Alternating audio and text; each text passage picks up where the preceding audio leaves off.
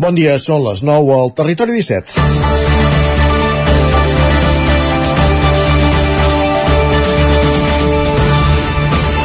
Notícia d'ahir al matí. Un camió atropella una noia que circulava en patinet per la C-17. La noia va resultar ferida i evacuada a l'Hospital de Vic. Sense paraules, Dit això, vaig fer l'exercici de mirar-me els comentaris al Facebook sota la publicació del 99.cat i hi havia bastanta unanimitat. Solidaritat amb el camioner i poc ens passa davant l'actitud d'alguns conductors de patinet. Avui faré l'exercici fàcil de tertulià de bar i boomer perquè aquí, en sóc conscient, s'hi barregen massa coses. D'entrada, se m'escapa qui era la noia i les circumstàncies que la porten a incorporar-se a la C-17 amb un patinet elèctric per anar de Centelles a Aigua Freda. Dic de Centelles a Aigua Freda perquè és el tram on va passar l'accident. D'entrada, em, ve al cap els, em venen al cap els treballadors del polígon Malloles de Vic que arriben a la feina en patinet o a peu des de Roda i me'ls trobo cada dia al canvi de torn a la carretera, o els que van de Vic a l'escorxador de Santa Eugènia. Persones amb pocs recursos, amb sous baixos, que troben en el patinet elèctric un sistema de mobilitat personal efectiu, sense tenir en compte els perills que comporta circular per algun d'aquests llocs. Ara bé, la C-17, segur que no tens alternativa? L'individualisme, el que diuen que tendim, no ens permet compartir trajectes amb algú en el pitjor dels casos? De fet, qui també va reaccionar de seguida a la notícia a Twitter va ser el col·lectiu Zona en Bici, reclamant amb urgència camins alternatius entre les principals localitats d'Osona per poder-hi circular amb bici i patinet. Afegien que el tram de l'accident d'ahir forma part de la seva proposta de més prioritats. Més enllà dels riscos als quals s'exposa una persona circulant en patinet per una carretera, hi ha la qüestió legal i de normes de circulació quan ets petit, o si més no així ho recordo jo, i comences a anar en bicicleta abans d'anar a l'autoescola als més joves amb 14 anys per treure's la llicència de ciclomotor, a casa t'indiquen que procuris sempre circular per la dreta i que respectis la senyalització bàsica, com l'estop, el cediu al pas o el semàfor, bàsicament per la teva seguretat. Tot plegat sembla aliè a molts conductors de patinet. Obviaré ja els que circulen persones de vianants posant a risc a tothom, però em sobta que pel seu propi bé no respectin incorporacions o cruïlles amb el risc que això comporta. Els patinets elèctrics, com tantes d'altres coses, han vingut per quedar-s'hi. I és urgent establir normes i, sobretot, respectar-les i fer-les complir. És dimecres, 23 de novembre de 2022. Comença el Territori 17 a la sintonia d'Ona Codinenca, Ràdio Cardedeu, la veu de Sant Joan, Ràdio Vic, el 9 FM i ja sabeu també que ens podeu veure a través del 9 TV, Twitch i YouTube. Territori 17.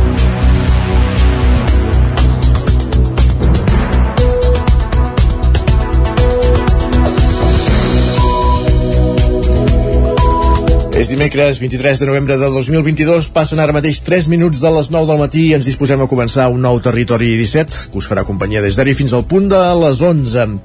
Ja ho sabeu, el Territori 17, el magazín de les comarques del Vallès Oriental, Osona, el Moianès i el Ripollès. Durant aquestes dues hores us farem companyia amb els, amb els continguts, amb el menú que ara us avancem. En aquesta primera mitja hora el dedicarem a la informa la dedica aquesta primera mitja hora la dedicarem a la informació, amb les notícies més destacades de les nostres comarques, en connexió amb les emissores del Territori 17, també recollirem la previsió del temps de la veu de Pep Acosta des d'una codinenca i amb en Sergi Vives anirem fins al quios per conèixer quines són les portades dels diaris del dia. A dos quarts de deu en punt, com cada dia pujarem al tren amb l'Isaac Muntades per recollir les cròniques dels oferts usuaris de la línia R3 i a l'entrevista anirem fins a Ràdio Televisió Cardedeu. Avui estem d'estrena. La setmana passada acabàvem la sèrie del Premi de Narrativa Curta La Gralla al 9-9 i avui n'encetem una altra una proposta de radioteatre de 8 capítols, L'Hostal de la Glòria, a motiu de l'any Maria Matilde Almendros, eh, s'ha recuperat una de les seves una de les obres que ella va interpretar com a locutora de ràdio L'Hostal de la Glòria de Josep Maria de Segarra s'ha recuperat amb una representació que va fer el grup escènic Nostre Llar del barri del Poble Nou de Manresa. El Cursal es va enregistrar i us en podem oferir una sèrie de 8 capítols que comencem avui al Territori 17. Serà just abans de les 10, hora a la qual, si no hi ha res de nou, hi arribarem tot escoltant música. A les 10, més notícies. Ens posem al dia amb les notícies de les nostres comarques, la previsió del temps, i avui serà en Jordi Givert qui ens descobrirà una altra iniciativa sostenible a casa nostra, al territori sostenible. Amb ell arribarem fins a dos quarts d'onze i a la recta final del programa ens acompanyarà com cada dia en Guillem Sánchez amb les piolades més destacades que ha trobat a Twitter, Jordi Soler amb l'alegria interior i acabarem amb el Lletra Ferits. Parlant de llibres anirem fins a una codinenca amb la Caral Campàs per parlar amb Àlex Nuyals, calderí, fanàtic d'Egipte i que ha escrit el llibre Tutankamon. Tot aquest és el menú del Territori 17 i ara, que, que passen 5 minuts de les 9 del matí, ens disposem a començar-ho amb les notícies més destacades de les nostres comarques, el Vallès Oriental, l'Osona, el Ripollès i el Moianès.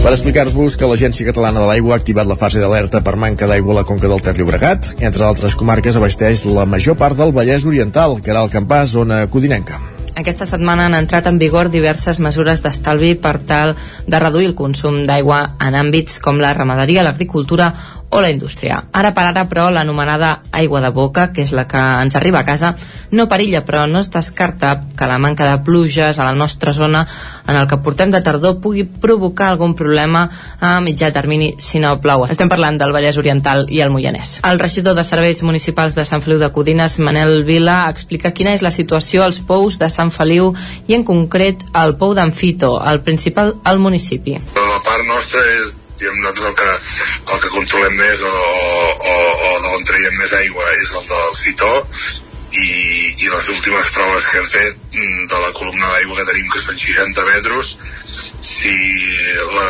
esgotem o la buidem diem en una hora i escaig torna a estar plena vull dir de moment es van recuperant sí que eh, es recuperen algo més lents que el juliol eh? llavors si, si s'allarga gaire eh, no haver-hi pluja mm, podem començar a tenir problemes que de moment no en tenim. Tant a Sant Feliu com a tota la comarca del Moianès ja hi ha restriccions actives des del passat mes de juliol. Pel que fa al dia a dia dels ciutadans, Vila diu que aquestes restriccions no estan afectant gaire. Nosaltres, com que la majoria de consum d'aigua és de particulars, mm. i en fàbriques i, i granges n'hi ha alguna, però tampoc és massa, mm, els nivells que demanen 250 per habitant, sumant a dintre totes les fàbriques i granges no hi arribem. Uh, a nivell particular, les restriccions s'han notat una mica amb el tema de que no es poden rectar els cotxes de casa en principi i que hi ha, hi ha els recs sobretot a l'estiu. Però a part d'això no, no, no s'ha notat gaire més. Les regularitzacions que van entrar ahir en vigor afecten a gairebé 6 milions de catalans, ja que tota l'àrea metropolitana de Barcelona es troba en fase d'alerta. Gràcies, Caral. El veterinari manlleuenc Miquel Cullell participa a Vic en una jornada sobre la situació de la ramaderia davant més d'un centenar de persones a la sala Cert del Sucre. Cullell va parlar dels reptes que haurà d'afrontar el sector en els propers anys i com s'imagina les granges del futur. Sergi Vives. Situació de la ramaderia en un context mundial convuls. Així és com s'anomenava la jornada que es va fer ahir a l'Auditori Maria Vila de Badal del Sucre i que va comptar amb la presència del manlleuenc Miquel Collell, actual director tècnic global de la di divisió porcina de Merck als Estats Units. Collell va fer una radiografia del sector a nivell global, però també es va centrar en Osona, una comarca, va dir, amb una ramaderia arrelada i amb un ponent, amb una potent indústria càrnica al darrere. Collell també va parlar dels reptes que haurà d'afrontar el sector en els propers anys i com s'imagina les granges del futur. Unes granges que, sigui com sigui, hauran d'adaptar-se al que anomena ramaderia de precisió. Ha estat sempre molt bé, jo crec que ha estat i segueix estant i hauria de seguir estant molt bé eh? perquè té tots els elements, els ha tingut sempre o sigui, ha tingut sempre una ramaderia molt arrelada al territori ha tingut sempre una indústria càrnica molt potent Osona té una cosa que a molts llocs els hi agradaria tenir eh? o sigui, té, un, té una, una marca que és la llangonissa de Vic. Aleshores, coses com potenciar la llonganissa de Vic seria brutal. I avui tenim eines, en parlaré d'alguna, eh? Avui tenim eines que ens podrien ajudar. Doncs una d'elles seria la, la traçabilitat genètica. Ja crec que hi ha un repte que ens hem de posar, sí, sí o sí, que és la ramaderia de precisió. És aquesta eina que ens ajudarà a, a produir d'una manera més sostenible, d'una manera eh, intentant ser molt més eficaços i és una ramaderia que el que fa és identificar aquelles coses que no estan funcionant bé i que puc optimitzar no? El regidor de Medi Ambient de l'Ajuntament de Vic, Albert Castells, va ser l'encarregat d'obrir aquesta jornada. Més qüestions apropar les diferents cultures que convergeixen a la ciutat de Vic és l'objectiu de les jornades de portes obertes als centres de culte que, es, que hi ha a la capital d'Osona i que aquest cap de setmana ha desplegat la seva tercera edició. Les explicacions de Pere Oliva a l'interior de la catedral de Vic van centrar l'atenció de la vintena de persones que dissabte al matí van participar a l'itinerari número 1 de les jornades de portes obertes que aquest cap de setmana ha organitzat l'Ajuntament de Vic. El sentit més teològic i espiritual de les pintures de cert que decoren la catedral de Sant Pere i amb elles l'Església Catòlica van centrar la primera part de la visita. L'objectiu de les jornades és que les persones coneguin les diferents cultures que convergeixen a la ciutat, una eina clau per la convivència i la tolerància. Per Oliva. Home, jo crec que una jornada d'aquest tipus també ajuda eh, a l'entesa, a la relació, al coneixement i tot el que sigui coneixement crec que és interessant i és important i veure que en el fons en el cor de la persona humana hi ha sempre unes preguntes, unes preguntes pel sentit de la vida que diverses religions ho expliquen de manera diferent i, i cadascuna des de la seva perspectiva el marc cultural també ens ajuda a entendre moltes coses Després de visitar la catedral, els participants a la jornada van fer parada a un altre punt de l'itinerari, el Centre Cultural Islàmic. El rebia el seu president Jamel El Mesiani, que celebrava que s'hagi recuperat la iniciativa. Home, eh, jo trobo que si estem vivint en una societat eh, diversa, quan més conèixer és més fàcil de, de convivència i la cohesió social serà més fàcil que, que, que l'ignorància cada un està més lluny perquè hi ha molta gent que té una ignorància molt gran la jornada la van completar dos itineraris més. Els assistents van poder visitar el centre de culte Kingdom of New Jerusalem o l'espai de la comunitat musulmana de Vic, entre d'altres. Josep eh, Ramon Soldevila és regidor de Ciutadania de l'Ajuntament de Vic. Ens ha interessat molt fer-ho per itineraris perquè així també eh, anem permetent que la gent es vagi, vagi coneixent diferents opcions. En el marc de les jornades, la setmana passada, Cineclub Vic va projectar la deseducació de, de Cameron Post i l'auditori de la Biblioteca de mm, Pilarín Vallès va acollir una pregària interreligiosa interreligiosa, volem dir, aquesta paraula que hem escapçat. Esquerra escull de nou Sergi Albric com a cap de llista per les eleccions municipals a Sant Joan de les Abadesses. Isaac Muntades, la veu de Sant Joan. El passat dissabte, l'Assemblea de Militants d'Esquerra Republicana de Sant Joan de les Abadeses va escollir per unanimitat a l'actual cap de l'oposició al consistori, Sergi Albric, com a candidat a l'alcaldia dels republicans per les eleccions del 2023. El candidat republicà va manifestar que es vol acompanyar d'un equip humà potent i gran i que la llista definitiva es donarà a conèixer en les pròximes setmanes. El regidor republicà va apuntar que cal aire fresc al consistori. Hi ha un equip de govern que fa 7 anys que està capdavant de l'Ajuntament, per tant fa 7 anys que el mateix color polític governa les polítiques doncs, de Sant Joan de les Abadeses i cal calen nous reptes, calen nous reptes a nivell econòmic, a nivell empresarial, a nivell social, a nivell mediambiental, i és, i és molt doncs, la, la feina que, que es pot fer. Calen noves perspectives. El projecte actual és un projecte que, en certa manera, està esgotat, ho hem vist els últims dies. Uh, hi ha un increment del deute brutal, i això és aquesta manca de, en el fons de projecte que actualment té l'equip de govern, perquè això acaba repercutint a la ciutadania, com s'ha vist en aquest increment de 8,5% dels impostos. L'habitatge és un dels altres problemes principals del municipi, segons assenyalava el BRIC. Des l'any 2007, per exemple, no es du a terme cap acció eh, per promoure l'habitatge. Actualment els joves tenen problemes importants per poder viure i trobar habitatge a Sant Joan. La pandèmia, per exemple, ens va situar ens, eh, en un moment complicat. Molta gent va venir a viure a Sant Joan, és veritat, però s'han trobat mancances importants, com per exemple la de l'habitatge. Eh, la gent no pot dormir, no pot viure a Sant Joan, difícilment podrà comprar a Sant Joan, difícilment podrà treballar des de casa a Sant Joan. I... El Bric, de 39 anys, és llicenciat i doctor en Geologia per la Universitat Autònoma de Barcelona i actualment treballa de docent de Ciències de la Terra en un institut de sal, al Gironès. El cap de llista republicà, regidor del consistori Sant Joaní des de l'any 2009 i ha estat el candidat d'Esquerra als comicis municipals del 2011, 2015 i 2019. A més a més, també és conseller comarcal a l'oposició des de l'any 2016. A les darreres eleccions, el Partit Republicà va obtenir 5 dels 11 regidors amb 856 vots i un 41% dels sufragis. Moviment d'Esquerres, encapçalat per l'alcalde Ramon Roquer des de l'any 2007, va guanyar les eleccions amb 6 regidors gràcies als 1.171 vots assolits i al 56% dels sufragis. En aquesta ocasió també caldrà veure si només es presenten dues llistes com el 2019 o si incorpora una tercera de Junts per Catalunya, que ja va declinar presentar-se als darrers comicis, o d'un altre partit. Ho avançàvem a la portada, un camió atropella una noia que circulava en patinet per la C-17 entre Centelles i Aigua Freda, Sergi. La noia va quedar ferida greu i va ser traslladada a l'Hospital Universitari de Vic. L'accident es va produir pels vols de les 7 del matí en direcció a Barcelona, prop de la zona del restaurant Alpinós. El sinistre va afectar la circulació a la via durant gairebé 3 hores i els Mossos d'Esquadra recorden que està prohibit que els vehicles de mobilitat personal, com els patinets patinets elèctrics circulen per les vies interurbanes una autovia en el cas de... I més qüestions. Torna al festival Sona Cardedeu, on parlàvem la setmana passada a l'entrevista, al Festival de Música Clàssica. Pol Grau, Ràdio Televisió Cardedeu. Aquest cap de setmana ha tornat el Festival Ressona de Cardedeu, un festival que, com ja vam parlar la setmana passada i vam tenir el Jaume aquí, torna amb un format reduït amb el nom de Sona de Tardor, on s'ha pogut gaudir de dos espectacles en petit format a la sala de les columnes de l'Ajuntament de Cardedeu i a l'espai l'Estació Seià, la formació jove Quartet Càssia obriu el Festival de Música de Cardedeu Ressona o Sona de Tardor, un quartet de corda que es va formar l'any passat al Liceu i que des d'aleshores han fet concerts arreu. El programa de quartet de corda pretén divulgar obres poc conegudes de compositors emblemàtics com Wolfgang Amadeus Mozart o donar a conèixer figures poc conegudes com el compositor català Xavier Turull.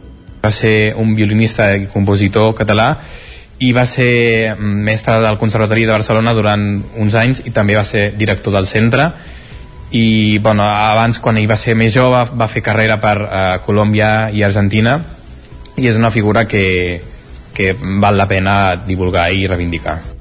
El Sona continuava dissabte amb el concert del trio vocal a Luca, el trio de veus de la cardauenca Magali Sala, el valencià Miguel Gómez i la mallorquina Gina Quatre Cases.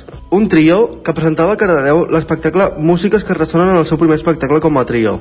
Nosaltres ens vam conèixer a l'ESMUC, estudiant a l'Escola Superior de Música de Catalunya, i d'allà va començar una relació d'amistat i música que ha cristal·litzat amb aquest projecte que ara portem uns quants mesos um, engegant. I que de fet vam estrenar a Cardedeu també a l'abril, justament, no? fa mig any més o menys, a, a l'ermita Sant Hilari. Amb la polifonia tradicional catalana i occitana de Trio Luca es posa a punt i seguit el ressona que tornarà al març, amb Queviart, amb el granollerí Claudi Arimany i amb el cor de cambra al Palau de la Música. I Vic acollirà a partir de dijous una nova edició del Flick Festival que té per objectiu incentivar la lectura entre infants i joves. S'han programat propostes artístiques i lúdiques a l'entorn de la literatura per a famílies i escoles fins l'1 de desembre, Sergi. El Festival Flick ja ho té tot a punt per arrencar la seva cinquena edició. Enguany, sense les limitacions que l'any passat encara ara va imposar la pandèmia i amb més entitats que se sumen a la cita literària i artística, eh, ho organitzen la productora cultural Tantàgora i el Casino de Vic amb el patrocini de CaixaBank. Així ho explica el vicepresident del casino, Jordi Comas. Recalcar que col·laborem amb altres entitats de Vic, de fet ja havíem col·laborat des de sempre amb l'UBIC, eh, el Cineclub, també la llibreria El Petit Tresor, que de fa una funció durant tot l'any molt lligada a la funció del FLIC, i aquest any hi afegim l'Escola d'Art i diverses llibreries a la ciutat. Per tant, al final anem aconseguint crear una xarxa que entenem que és com un embrió del festival eh, de ciutat que pot arribar a ser el FLIC. El Casino de Vic, de fet, serà la seu de la jornada principal dissabte, amb un dia sencer de propostes per a les famílies. Al llarg de la setmana també es faran activitats per a escoles amb la participació d'una desena de centres d'Osona, així com llibreries, la Universitat de Vic i a la Biblioteca Pilarín Vallès. Escoltem a les regidores d'Educació i de Cultura, Elisabet Franquesa i Bet Piella. En quant a l'educació, hi donem una especial importància, un especial relleu amb dos aspectes molt importants. Un és dotar d'eines i reforçar la tasca del dia a dia del docent per tant el docent una de les feines que té és evident ensenyar a llegir als seus alumnes però aquest gust per la lectura aquest disfrutar de la lectura també pensem que és molt important i per l'altra banda arribant als alumnes a potenciar-los aquest gust per la lectura. Nosaltres totes aquestes activitats que fem a la ciutat entorn de la cultura i l'educació no només les fem per despertar aquest gust, eh, l'hàbit lector i fomentar-lo, sinó perquè creiem fermament que són accions de, de cohesió social i la biblioteca n'és un exemple claríssim. Aquesta edició, titulada Desordres, incideix en les formes de classificació d'una biblioteca i com aquest ordre condiciona el lector. Tot, segons Magalí Oms, directora del festival, amb l'objectiu de fomentar la lectura entre els més joves. El foment del gust de la lectura, nosaltres, des de Tantaura, l'entenem que necessita tres ingredients. Necessita els lectors, que en aquest cas són nens i joves, necessita els adults que es relacionen amb ells a través de la lectura o dels llibres i necessita els llibres.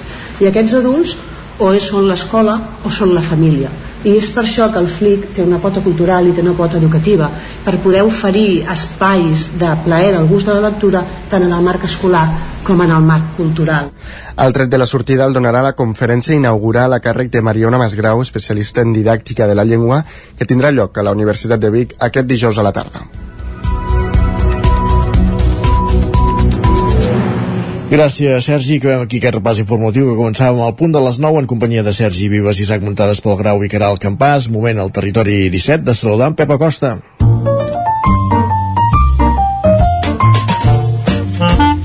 Casa Terradellos us ofereix el temps. Per, ma, per tant, és moment de saber quin temps farà avui. Ens ho explica en Pep des d'Ona Codinenca. Pep, benvingut un dia més, bon dia.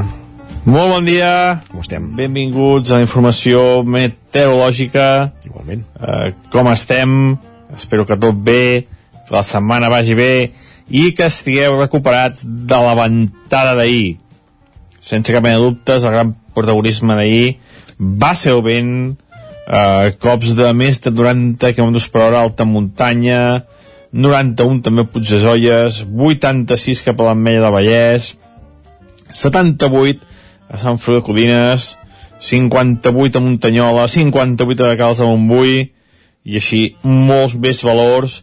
Uh, a més, va ser un, un vent uh, molt, uh, molt continu, uh, no va parar durant moltes, moltes hores, amb cops de 40, 50, 60 km per hora durant això molt, molt de temps i amb cops màxims això, superiors als 100 o 90 quilòmetres per hora un dia, com deia, molt, molt, molt ventós. Va augmentar també la sensació de fred aquest vent. I, i, i això és el que vam tenir ahir, eh? un dia un dia de, de, dur, de dura primavera. Ai, perdó, perdó, de dura dura tardor, eh? va ser un dia dur dur de tardor, Déu-n'hi-do, déu nhi déu eh, quin dia vam tenir eh, ahir. I avui la cosa gira com un mitjó no tindrà res a veure el dia d'avui amb el d'ahir absolutament res a veure. Uh, estem amb, aquest, uh, amb aquesta dinàmica ara de fronts atlàntics que ens van creuant. Ahir ens va, va tenir, vam tenir aquest vent pel front que ens va creuar ens va creuar un front uh, el dilluns i ens va obrir la porta aquesta enorme ventada. Doncs avui res a veure amb el dia d'ahir molta, molta tranquil·litat aquesta nit ja, les temperatures han pujat de manera notable, eh, glaçades només en molt alta muntanya, i unes temperatures aquesta nit més altes del que tocaria. Aquest matí encara força núvols, el vent ja ha fluixat molt, i el vent, si ahir, ahir era de nord-oest, ha canviat cap a direcció ponent, i això fa que les temperatures pugin.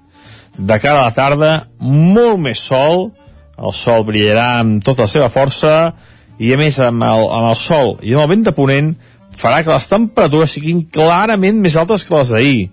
Valors màxims entre els 15 i els 20 graus. Molt molt suau l'ambient aquest migdia. Migdia i primers, i primers hores de la tarda serà un ambient molt molt suau. Eh, farà calor i molt menys però sí que un ambient molt molt suau i eh, a la tarda també els vents fluixos de ponent.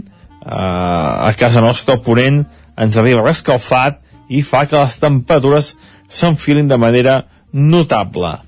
Eh, de cara a, de cara a dijous divendres perdó eh, s'acosta un altre front que farà baixar les temperatures pot tornar a ser un front de tercera o quarta categoria.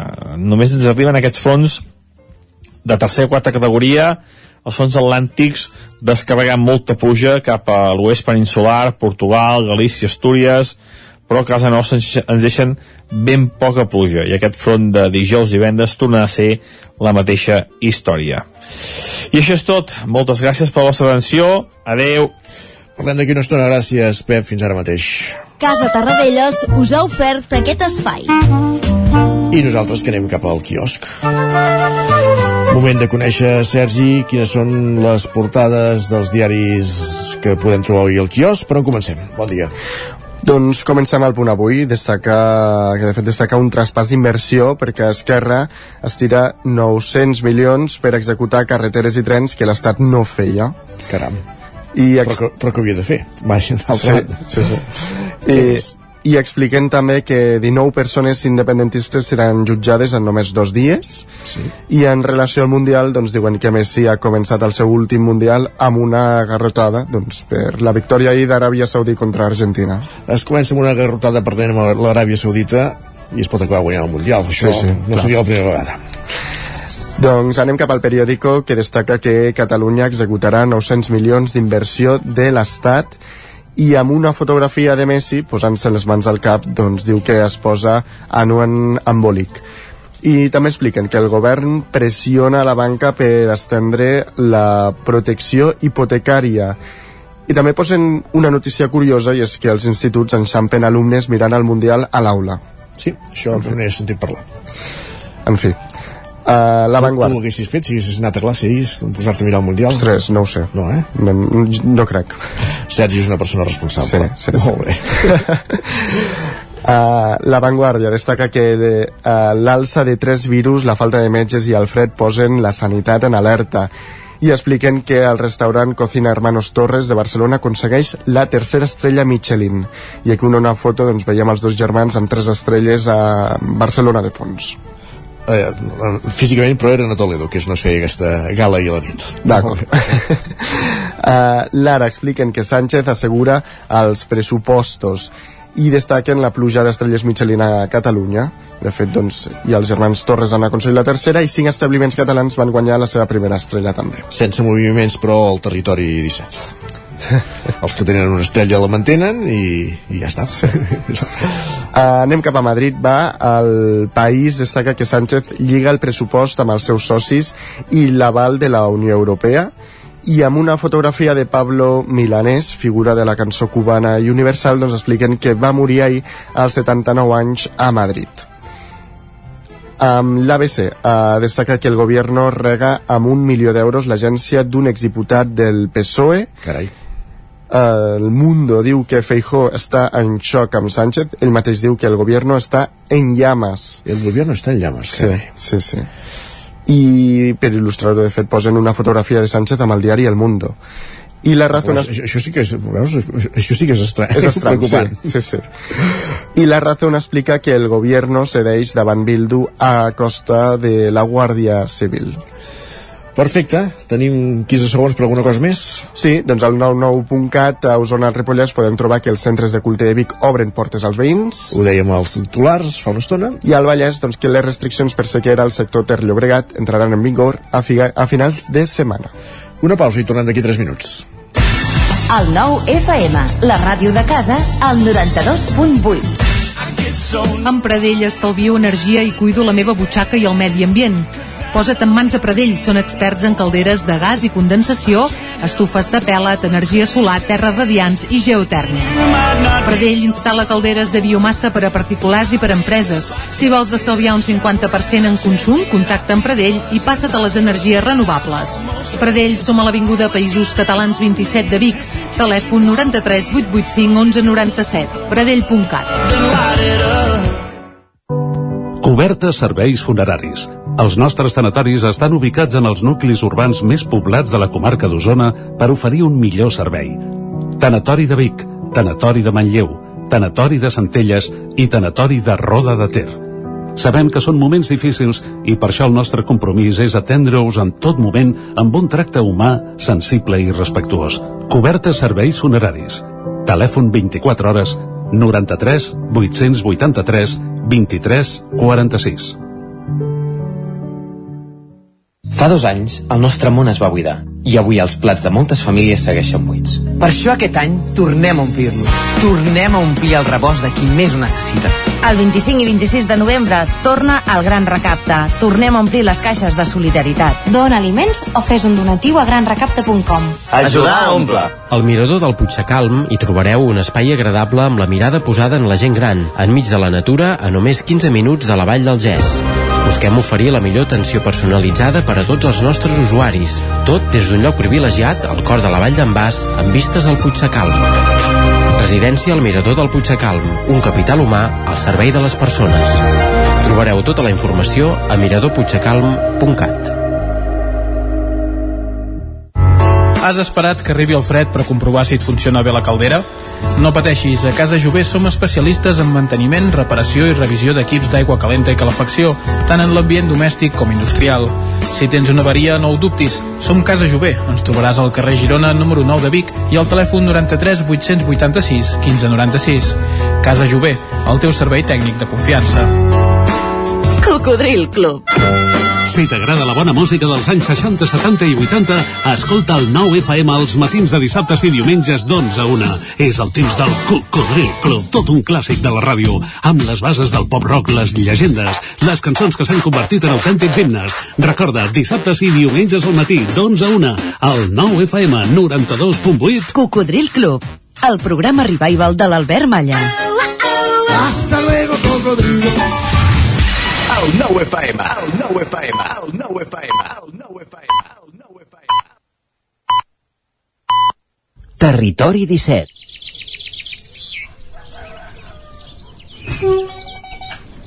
A Tren d'Alba. Cada dia els usuaris i usuàries de la línia R3 de Rodalies que veuen sortir el sol des d'un vagó ens expliquen les gràcies i les penes del primer comboi que uneix Ripoll i Barcelona o les feixugues jornades amb el tren després de treballar. Benvinguts a Tren d'Alba. Els nostres companys del col·lectiu Perquè no ens fotin el tren van denunciar que no tenen encara cap notícia sobre la reprogramació del tren blanc aquest hivern i li preguntaven a Territori i a Rodalies si seria. El que no volien és anar més enxubats entre els esquís. També deien que estaven avisant amb temps. De fet, ja van fer una piulada demanant el tren a finals d'octubre i la temporada d'esquí està a punt de començar. No voldria ser malastruc, però potser ho diran el dia abans o potser no el posaran. Va, us deixo amb la crònica d'en Carles Bassaganya d'avui. Bon dia. Setmanes enrere parlàvem de lo contents que estàvem que finalment hi havia trens de doble composició, per entendre'ns, dos trens afegits de tres vagons cada un, sis vagons, per intentar que la gent pogués seure, atès que des de que es va fer gratuïta els trajectes doncs hi havia més gent i hi havia la incomoditat aquesta de que molta gent físicament i literalment havia de posar colzes per poder entrar i ja no dic per poder seure. Portem ara uns dies que aquesta doble composició, aquests doble trens enganxats, té una altra curiositat molt i molt divertida, que és que pot ser que un tren d'aquests vagi amb seients durs i un altre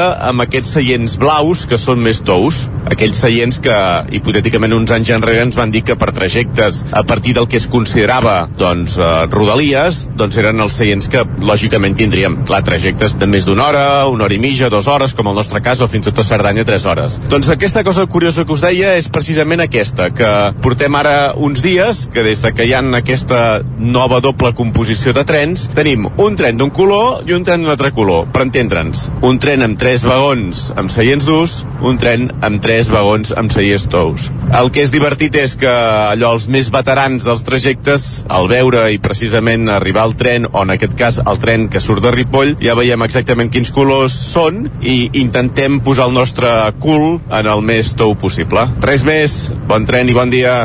Això és com la loteria, doncs. Depèn d'on estiguis a l'andana, pots entrar als vagons còmodes o als més incòmodes. Evidentment, dono per fet que tots els cronistes veterans ja sabeu on anar. Sobretot si sortiu del Ripollès o del nord d'Osona, que són les primeres parades en què hi ha més gent. M'imagino que els pobres que baixin més avall potser ja no tenen tantes possibilitats d'escollir el vagó que volen. Va, ens retrobem demà amb més històries del tren i de l'R3.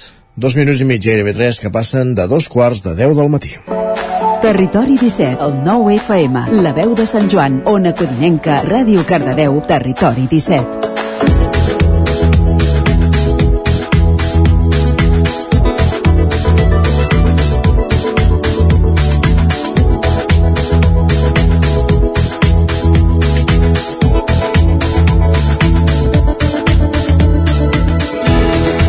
Moment per l'entrevista. Avui a l'estudi de Ràdio Cardeu hi tenim a Lluc Castells, de la família Castells, que ens vindrà a explicar el nou projecte que tenen entre mans i que porta per nom Papers de la Guerra. Un projecte que parla del seu avi, de les cartes que va escriure durant la Guerra Civil i que veuran la llum aviat. Pol Grau, Ràdio Televisió Cardedeu, primer de tot, benvingut, bon dia. Bon dia. Estàs molt ben acompanyat avui també a l'estudi, eh? Avui també estem ben acompanyats. Hola, bon dia. Últimament estic ben acompanyat. Molt bé. Avui, bé, com has dit, tenim el Lluc Castells, bon dia, Bon dia. que ens vindrà a parlar del projecte que porta entre mans, els paper, anomenat Papers de la Guerra. Eh, primer de tot, perquè ens, pels que ens estiguin escoltant i no sàpiguen, si ens pots fer una petita introducció del que és el que, el que fareu, el projecte Papers de la Guerra. Sí, bueno, primer de tot, moltes gràcies. La primera entrevista de tot això.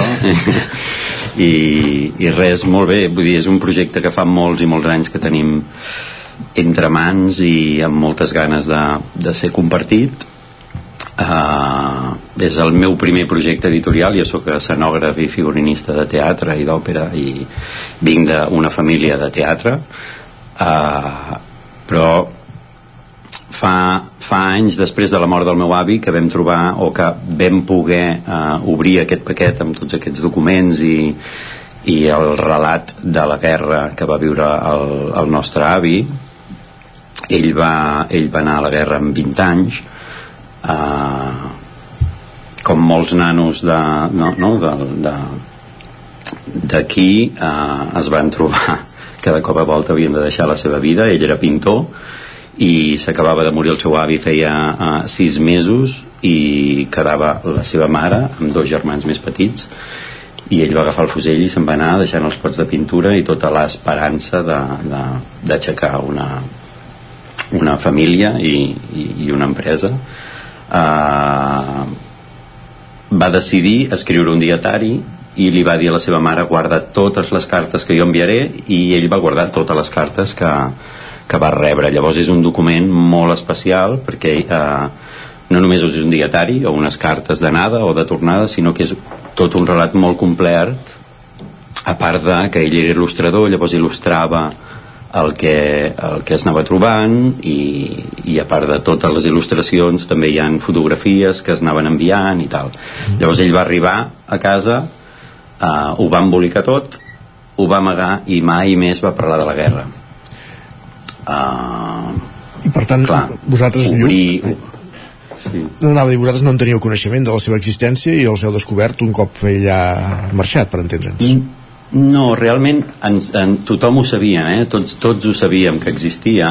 Els meus, eh, el meu pare i la meva tia i el meu tio eh, sí que sabien ja des de ben petits que, que hi havia aquests papers. La meva tia amb 10 anys m'explica que ella ho va trobar amagat a, a, a un armari de, de la sala i ho va, ho, va, ho va obrir i ho va llegir però va tenir la sensació va llegir les primeres pàgines i va tenir la sensació que estava fent un pecat tan gran perquè de la guerra no se'n parlava i no se'n podia parlar que ho va embolicar tot i mai més ho va tocar el meu pare i el meu tio sí que també tafanejant ho havien, ho havien trobat fa molt poc el meu pare em deia realment jo m'ho havia llegit però però tampoc eh, amb, amb molt de secret i no i sense donar-hi massa importància perquè és que no, no se'n podia parlar i no es podia assumir allò no? llavors eh, ho va tornar a embolicar i mai, mai, mai més eh, es va tocar llavors jo recordo de petit i els meus cosins també de, de, cadascú és curiós perquè cadascú de la família ho recordem a un lloc de la casa diferent no? a un armari o una calaixera o un... I, i tothom ho tenim molt present però ningú ho tocava va ser a la mort del meu avi que la, la meva cosina Núria eh, que estava estudiant filologia sí que ho va agafar i va intentar eh, transcriure-ho però ho va deixar.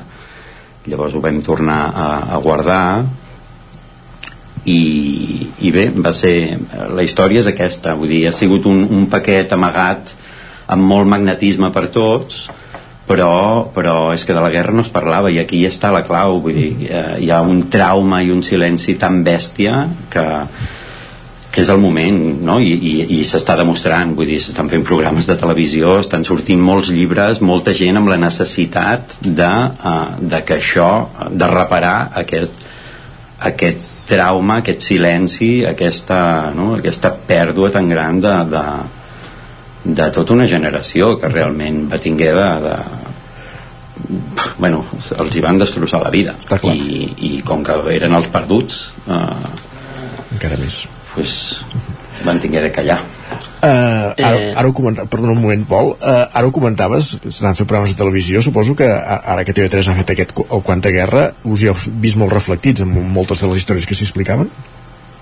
Moltíssim, clar, i a més la casualitat no, de que, ostres, justament uh, surti aquest programa en aquest moment que nosaltres estem a punt de treure, de treure l'edició de, de, dels nostres papers ostres, molt emocionant jo cada programa és com que em toca em toca molt, molt, molt de prop no? i amb l'Eloi estem en contacte per, bueno, per diversos motius ens coneixem i, i hem parlat i, i,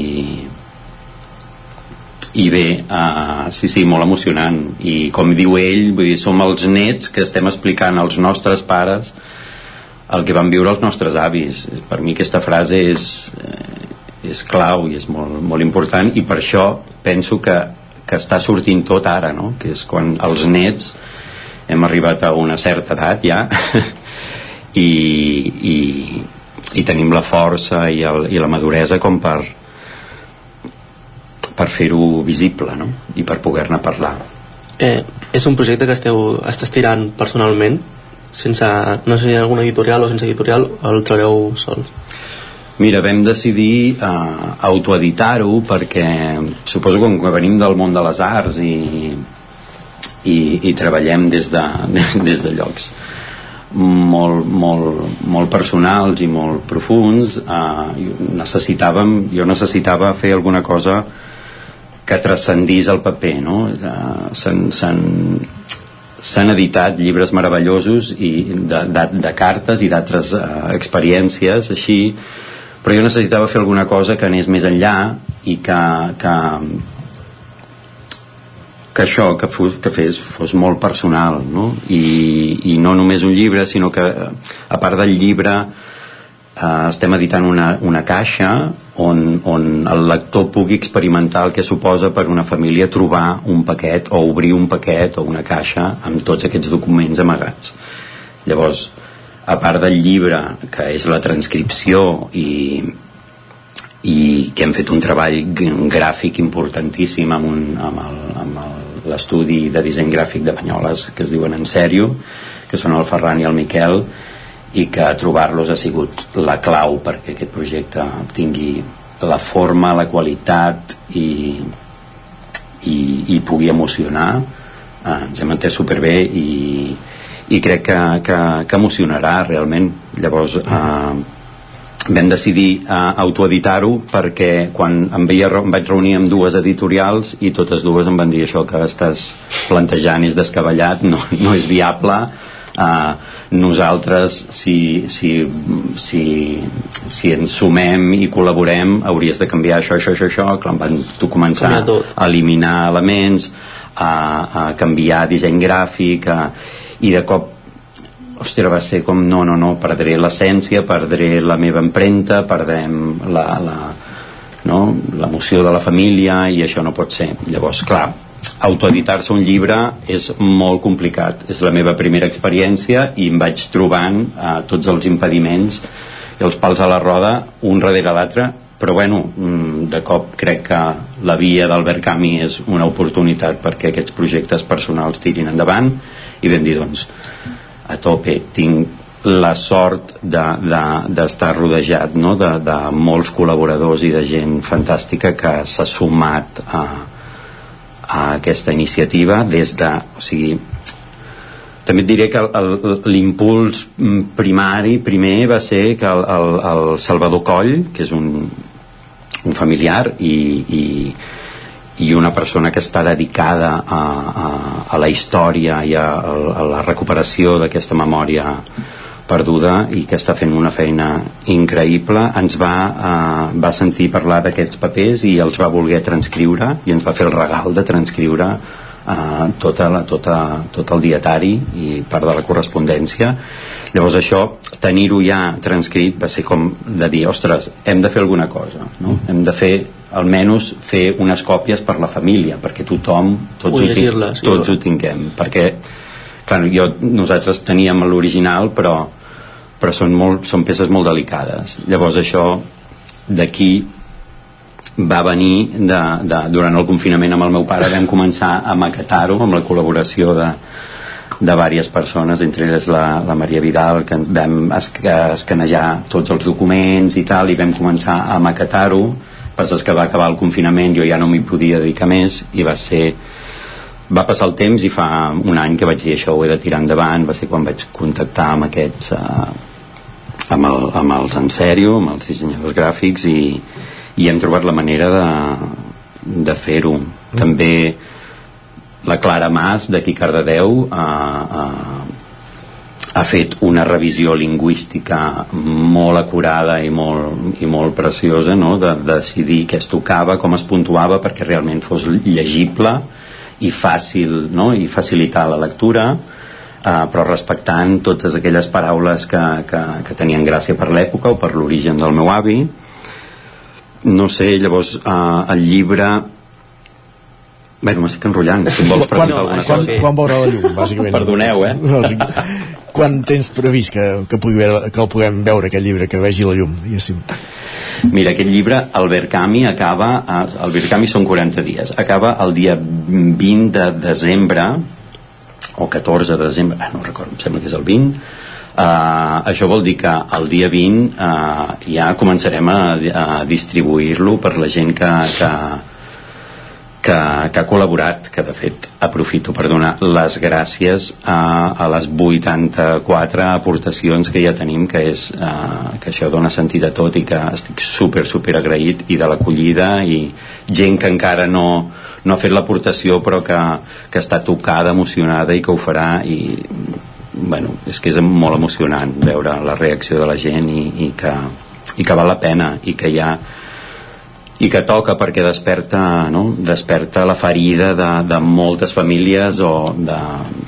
Bueno, no sé. És... En, ens quedem sense temps, que per només per dir que avui a les sí. 7 teniu un acte al Tarambana on presentareu també aquí a Cardedeu el projecte. Sí, avui a les 7 eh, fem la primera presentació, és per explicar, no tenim cap, eh, cap original encara a les mans, que això ho tindrem el dia 2 de desembre segurament, però avui fem una presentació on projectarem imatges i podrem sentir ja algun, alguna part del relat que ens ha llegit eh, actrius i actors eh, amics eh, i allà explicarem tindré tots els col·laboradors eh, amb nosaltres i podrem explicar una mica com ho hem fet i des d'on ho hem fet i, i tal. Sí, que vulgui anar avui a la 7 del Tarambana pues, està invitat. Home, convidadíssim. I, sí, sí, i després ens quedarem per allà, podem comentar el que, el que sigui i compartir, perquè és el, l'objectiu és compartir-ho i, i, i que arribi i emocioni i, Papers de la guerra, aquest projecte que es presenta doncs aquesta tarda al Tarambana, n'hem parlat amb un dels seus impulsors, eh, amb el Lluc Castells, eh, aquest llibre a partir de, de l'experiència del seu avi eh, a la Guerra Civil i que veurà la, la llum en les properes setmanes un cop completar aquest, aquest barcami. Moltes gràcies, Lluc, per explicar-nos-ho i que vagi molt bé tota la iniciativa. Gràcies a vosaltres. Gràcies també, Pol, un dia més per acompanyar-nos.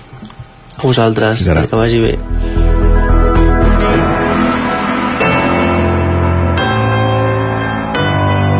Territori, Territori 17. 17. Territori 17.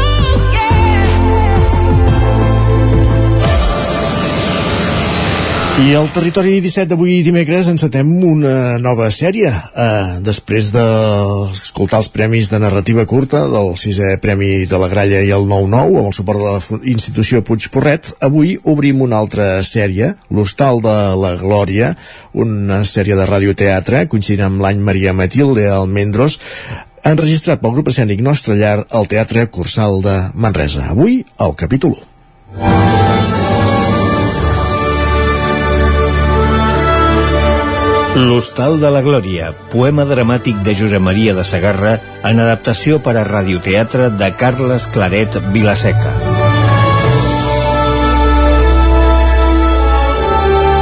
Un homenatge a l'actriu i locutora de ràdio manresana il·lustre Maria Matilde Almendros Carcasona.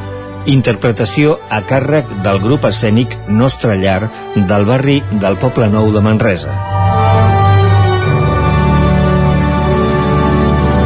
Capítol 1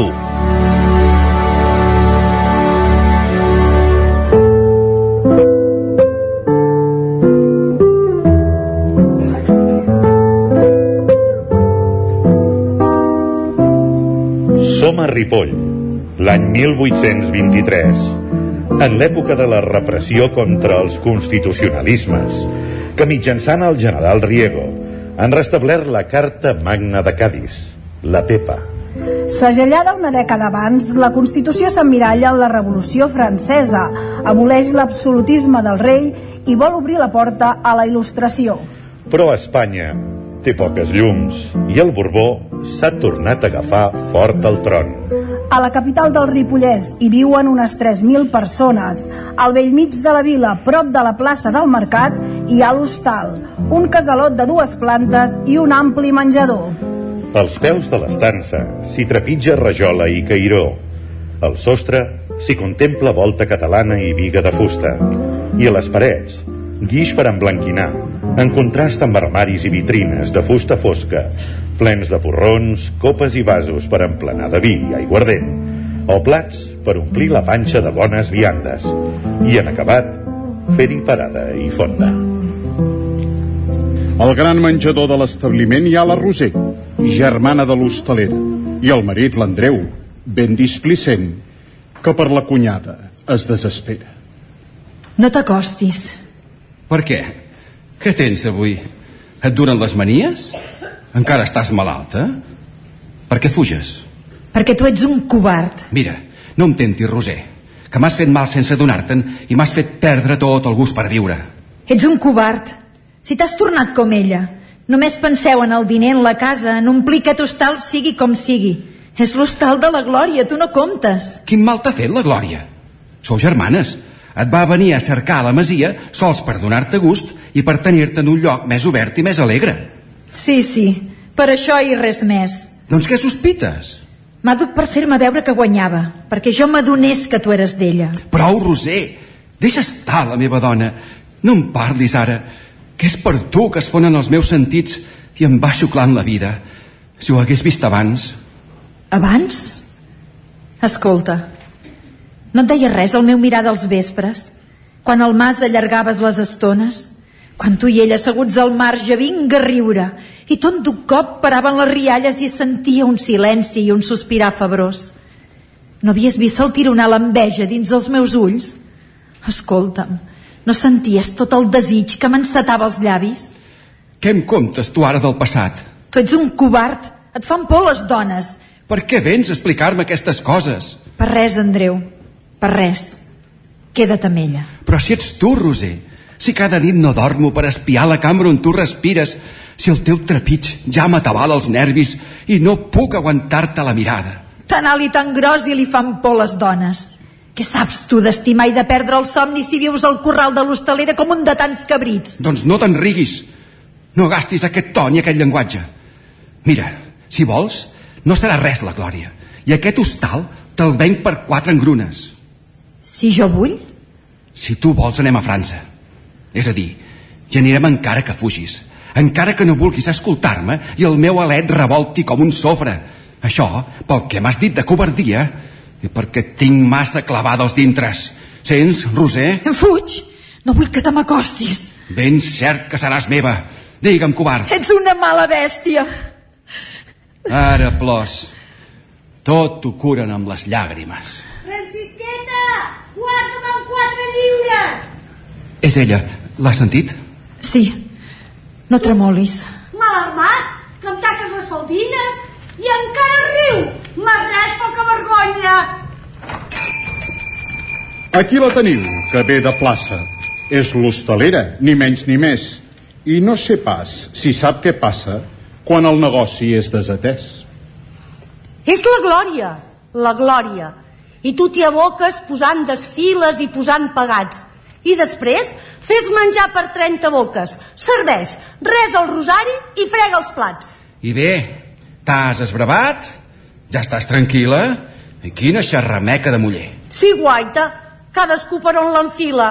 Jo si no puc parlar no em trobo bé. I tu, què fas? No res, passar l'estona. No has entrat a la cuina? No em respons? Ai, Roser, ets una mena de minyona que no sé què diràs quan sentis trons. La dus aquí, li cantes la música, la portes de ballar i a passejar, i ni serveix per ajudar una mica i per donar les gràcies. I està clar. Què vols que faci? Tu ets una altra dona. Tu tens com argent viu a dins del cos. I jo sóc diferent. Jo no estic bona. Bé, no em vinguis amb llàgrimes i plors. No em queixo pas. I ensenyes una cara? Sí, ja ho veig que el teu mal no vol soroll. Et tindrem de portar amb la nostra mare. No et convenen les aigües de Ripoll. Us faig nosa? La mosca ja li pica. Et cal un aire més tranquil, més fred, i un marit perquè et digui que ets bonica i també perquè et faci llaurar dret. I sempre amb la mateixa ximpleria. I deixa'm estar. Mireu-la, li sap greu. I que et penses que no t'agradaria? Un home així, ben home, com el meu? Glòria, Que és que hi ha algú sota la porta, que potser el que li deia és un pecat. prou, Glòria, prou. Es pot saber què passa? De què parlàveu quan m'heu vist venir? Atabales. I em fas potser un gra massa. No parlàvem de res. No m'ho vols dir? Hi ha hagut una desgràcia. Tu contesta. Roser, ha passat alguna cosa? Quan? No, dona, és que tu sempre estàs de festa i els altres de vegades no ho estan. No passa res. Està bé. I tu no rondinis. No, rondino. M'havíeu esverat. Pensava... És natural que t'imaginis qualsevol disbarat. Bastant atrafegada. L'hostaler ha de parlar i ha de bullir les cols. Roser, em vols endreçar la calaixera i comptar-me les peces dels llençols? Ara mateix? Si és que no estàs cansada i si et ve de gust... Cansada? No.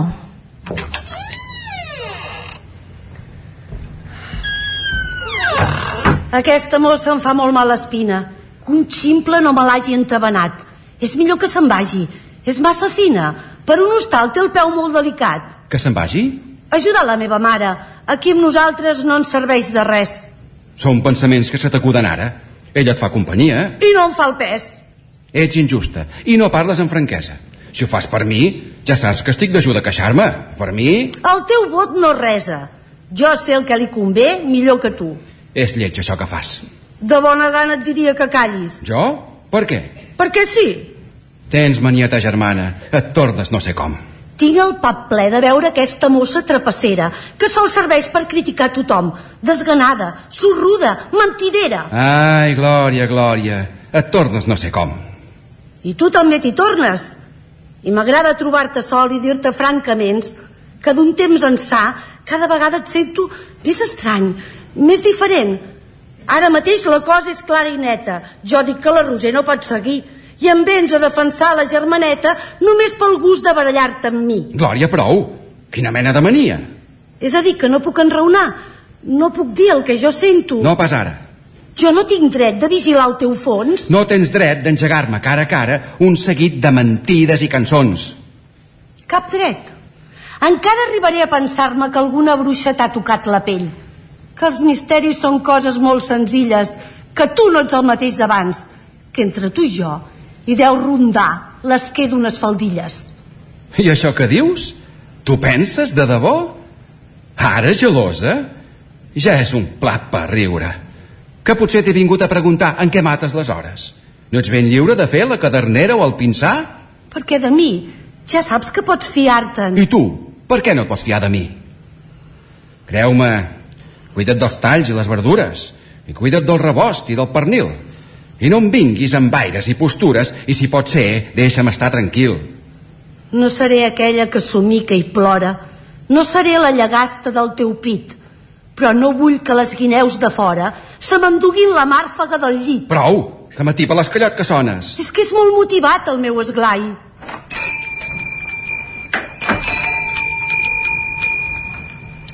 Té, ja t'ho he dit. Els homes i les dones són un bestiar que no s'avenen mai. Interromp per variar el 7 per 8. Que en té 50 i és un garrameu. Conco, tros d'asa i amb el cap ben buit. Té el mal vici d'aixecar massa la veu. Ei, ei, no correu tant. I la baralla, doncs, per què ha estat? L'altre tabalot, el centaló, miliciano, sapastre i petit diable, amb un uniforme que fa pudor i un bigotet gent respectable. Ha estat per res, per quatre brins de palla. Per si escurem o no escurem el plat. És que aquesta la lliga és massa fluixa. Calla tu, quina casta de ximplets. Ja sou un matrimoni. Calça i cuixa. Quina parella d'angelets. Ja heu remenat? Ja heu passat bugada? Molt més que una partida de bandits. Doncs va, seu i explica. Hi ha jutge nou, i tot va de gairell. Què vols dir? Que la cosa s'embolica i els capellans ens llevaran la pell. I què? És costella o és tendrum? Diu que a Madrid han dat garrot al Riego. Doncs a mi, això d'en Riego se me'n fum. Doncs això és política. Romansos. Aquí som a Ripoll. Madrid és lluny. I el jutge què? És dels negres o dels mansos? Els de parar la mà o de cloure el puny? És dels que manen, i veuràs, prepara. Vindrà per aquí i s'han acabat les cols Vindrà per aquí. I ensenyarà la vara. I jo li ensenyo l'olla dels fesols. Sí que estem frescos, no em fa por cap jutge. S'han acabat les bromes de l'hostal. Tot que corulles he pintat de sutge. Aquí dins mano jo i no faig cabal. Diu que a Ripoll Déu sap el que s'hi amaga. Fins als teus parroquians farà marxar. Els parroquians? Si és parroquià que paga, no me'l toca ni el jutge ni el butxí. I tu? Què hi dius? Jo dic el que diu ella. Per ventar-se les mosques tot li és bo. I a tu et faria peça, general. Et dic jo que si no fos la teva dona... Mira, això és rai. M'esquerdes el clatell i al cap d'un any us tiren per la trona i li compres l'anell. Desmenjadot. Ja ho saps que no t'atrapa. Que ho provi. No vinguem a presumir. La glòria és una fura que es garrapa. I fuig si és un tallet de colomí. Au, tasta'l. Bé, deixeu-vos de brometes. El que és avui, sabéssiu com estic.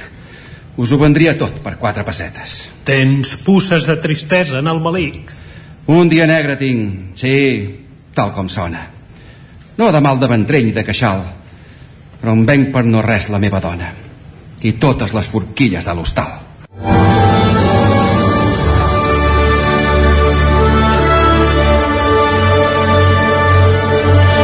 Heu escoltat el capítol primer de L'Hostal de la Glòria, poema dramàtic de Josep Maria de Sagarra en adaptació per a radioteatre de Carles Claret Vilaseca.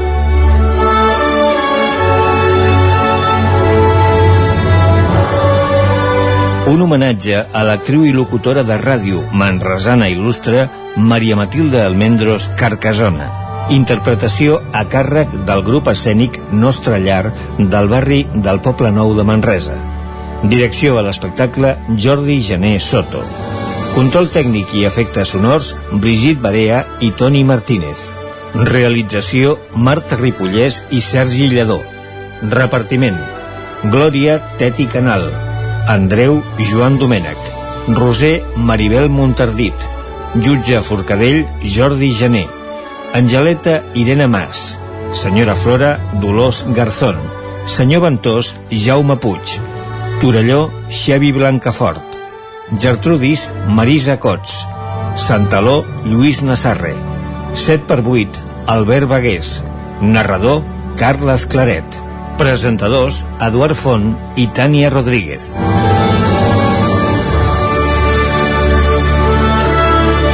Agraïments a l'Ajuntament de Manresa, Ràdio Manresa, El Galliner i Manresana d'Equipaments Escènics Teatre Cursal.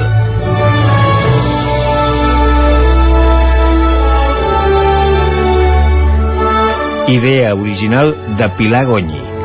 Realització radiofònica Didac Boza.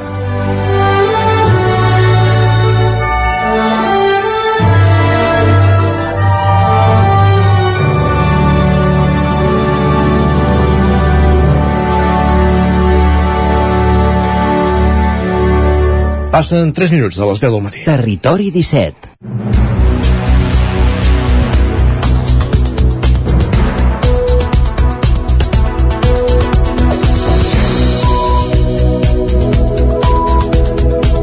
Moment al territori 17 de posar-nos al dia, d'actualitzar-nos amb les notícies més destacades de les nostres comarques, el Vallès Oriental, l'Osona, el Ripollès i el Moianès, i ho fem en connexió amb les diferents emissores que dia a dia fan possible aquest programa, com per exemple una Codinenca, on anem tot seguit perquè la falta de metges al Moianès aixeca protestes a la comarca on només Moià té un centre d'atenció primària amb atenció sanitària 7 dies a la setmana.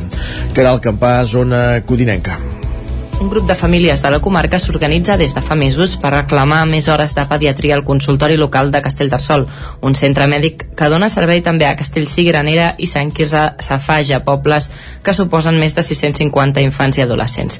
Actualment només compten amb un pediatre els dimarts al matí, quan el que els hi pertoca per ràtio són 3 dies de pediatria. Des del Departament de Salut han manifestat que estan disposats a cobrir la plaça però que hi ha una manca general de professionals a tot el país. Aquesta no és l'única problemàtica a la comarca. La reducció dels serveis mèdics han anat disminuint amb el pas dels anys. Només Mollà té un centre de salut amb atenció als 7 dies la setmana. A Castellterçol hi ha un consultori local actiu de dilluns a divendres, mentre que a l'Estany tenen 3 dies a la setmana.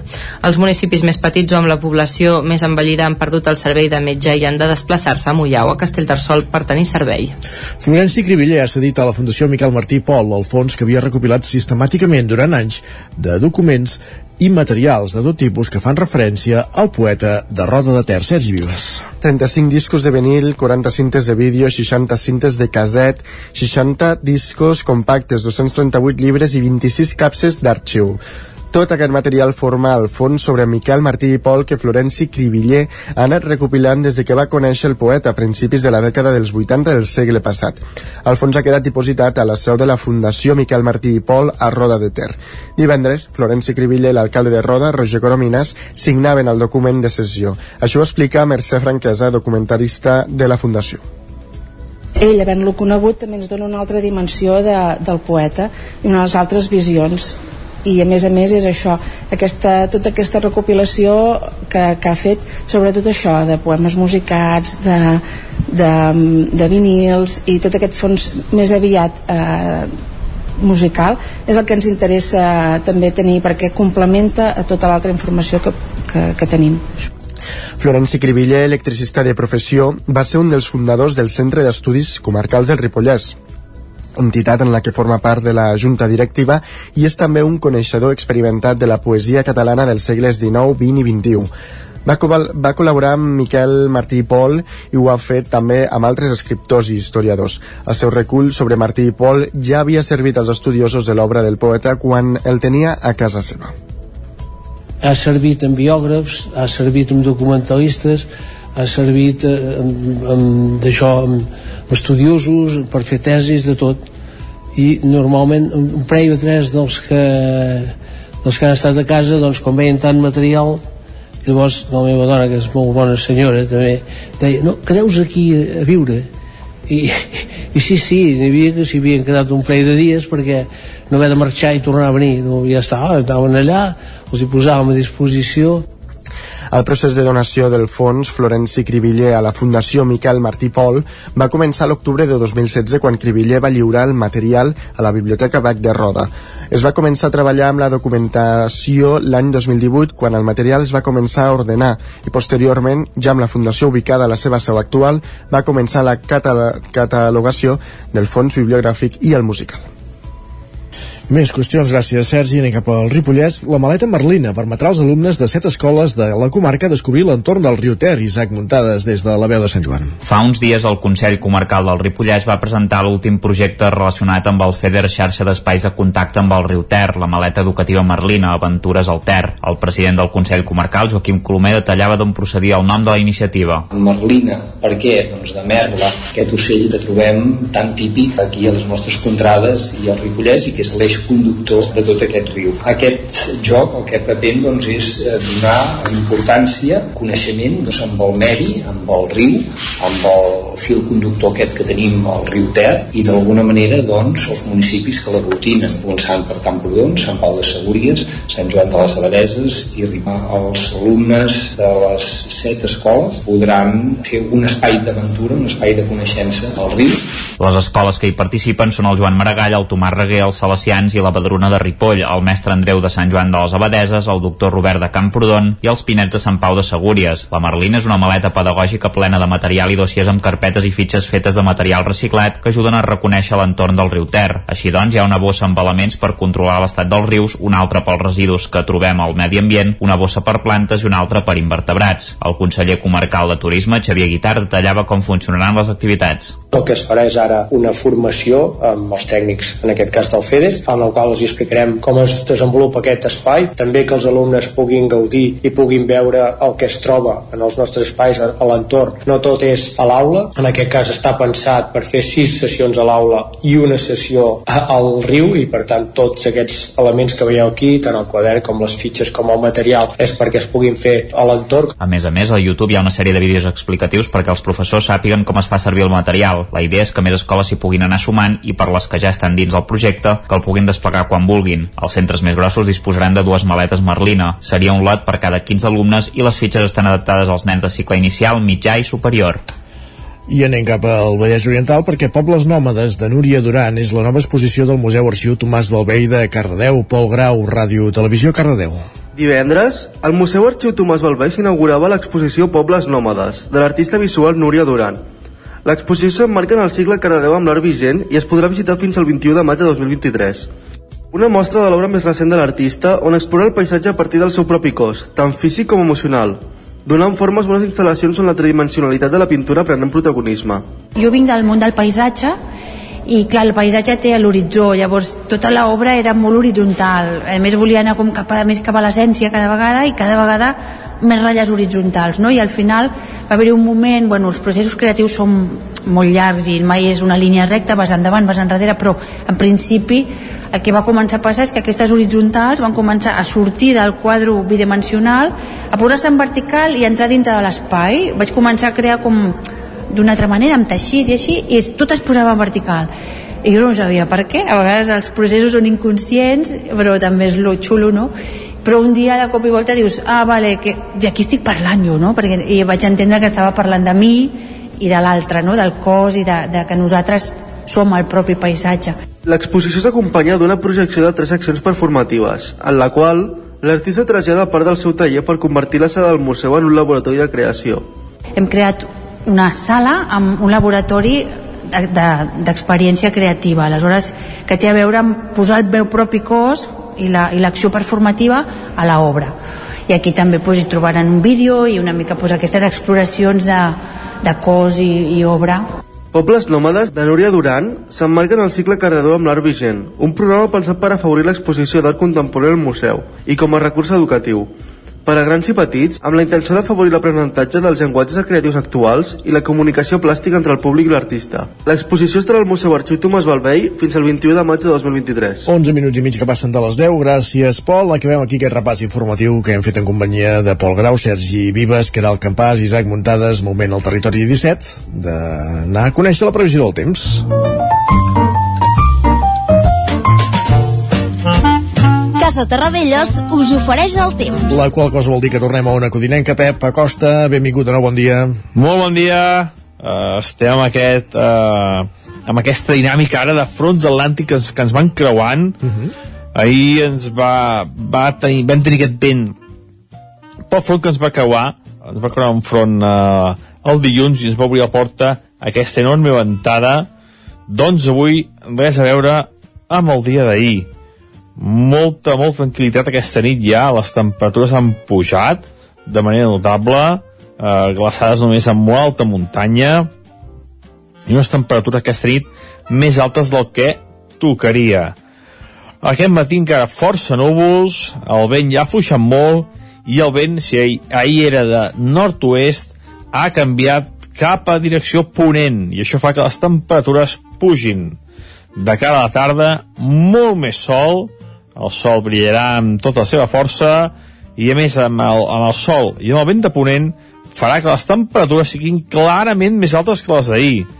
Valors màxims entre els 15 i els 20 graus. Molt molt suau l'ambient aquest migdia. Migdia i primers hores de la tarda serà un ambient molt molt suau. Eh, no farà calor i molt menys però sí que un ambient molt molt suau i eh, a la tarda també els vents fluixos de ponent. Eh, a casa nostra el ponent ens arriba rescalfat i fa que les temperatures s'enfilin de manera notable. Eh, de cara a, de cara a dijous divendres perdó eh, s'acosta un altre front que farà baixar les temperatures pot tornar a ser un front de tercera o quarta categoria. Només ens arriben aquests fronts de tercera o quarta categoria els fronts atlàntics descarregant molta puja cap a l'oest peninsular, Portugal, Galícia, Astúries, però a casa nostra ens, ens deixen ben poca pluja i aquest front de dijous i vendes torna a ser la mateixa història. I això és tot. Moltes gràcies per la vostra atenció i fins demà. Gràcies Adeu. a tu. Fins demà. Adéu, Pep. Casa Tarradellas us ha ofert aquest espai. Territori 17, el 9 FM, la veu de Sant Joan, Ona Codinenca, Ràdio Cardedeu, Territori 17. Moment pel territori sostenible. Ens quedem encara a Ona Codinenca, ara amb en Jordi Givert, i avui parlant de cervesa artesana al Moianès. Jordi, benvingut, bon dia. Avui al territori sostenible ens acostem fins al Moianès. Concretament eh, anem a Castellcí per conèixer el primer projecte d'elaboració de cervesa artesana de la comarca. Ens trobem a la cerveseria Circoco o bé en el seu lloc d'elaboració. Ah, és un projecte familiar i estem a la casa de la Rocío i el Pedro. Bon dia i benvinguts. Gràcies. Uh, aviam, comencem. Uh, com surt la idea de- d'elaborar de, la, la cervesa aquí al, al Moianès? pues, eh, va començar mm, fa qüestió de dos anys Van, vam anar mirant a veure què fer després de la pandèmia i tot això. I vam estar mirant eh, bastants vídeos vídeos i informant moltes, bueno, moltes coses de, de la malta, de la cervesa, de com es faria, de, de tot això. I bueno, va ser algú una mica, no sé, com ho dic tu Mm. Vam començar com per fer a la família i entre nosaltres i tal, fins que em vam animar i l'estem comercialitzant ara. Vale, o sigui, en plena pandèmia comenceu a, a investigar i a A elaborar investigar, a cervesa. mirar vídeos, a mirar classes de malta, de llúpols, com fer-ho, Mhm. com fer-ho a casa primer, clar. Sí, sí. I, I quan fa que comercialitzeu? Quan, quan heu fet el pas de, de començar a vendre cervesa? Des del setembre. Val. Vam Setembre, començar així d'aquest any. d'acord. Sí, sí, eh, Molt fa bé. poquet ara. Uh, primer, estem acostumats a, a parlar d'altres productes, no parlem, de, no parlem de cervesa. Ens podeu explicar com es fa una cervesa? Oh, amb paciència. Sí. Sobretot amb paciència. Són moltes hores, moltes hores. Moltes hores, són com 8 hores, són una elaboració. Per exemple, eh, t'explico una mica des de casa, no? Com Sí. si fos Com feu vosaltres? Com treballeu vosaltres? casolanament. Doncs es comença a desinfectar tota la cuina, tot l'espai de treball. Mhm. Després tenim mol- molta cura de l'aigua, de la seva temperatura, es posa la malta primer per fer una maceració i després el moment del llúpol.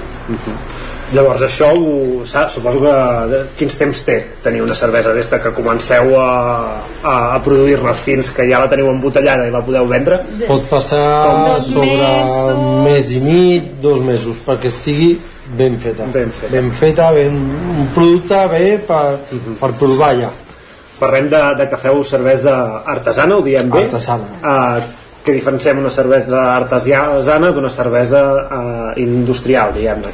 Quina és la, la diferència? això és malta 100% l'artesana.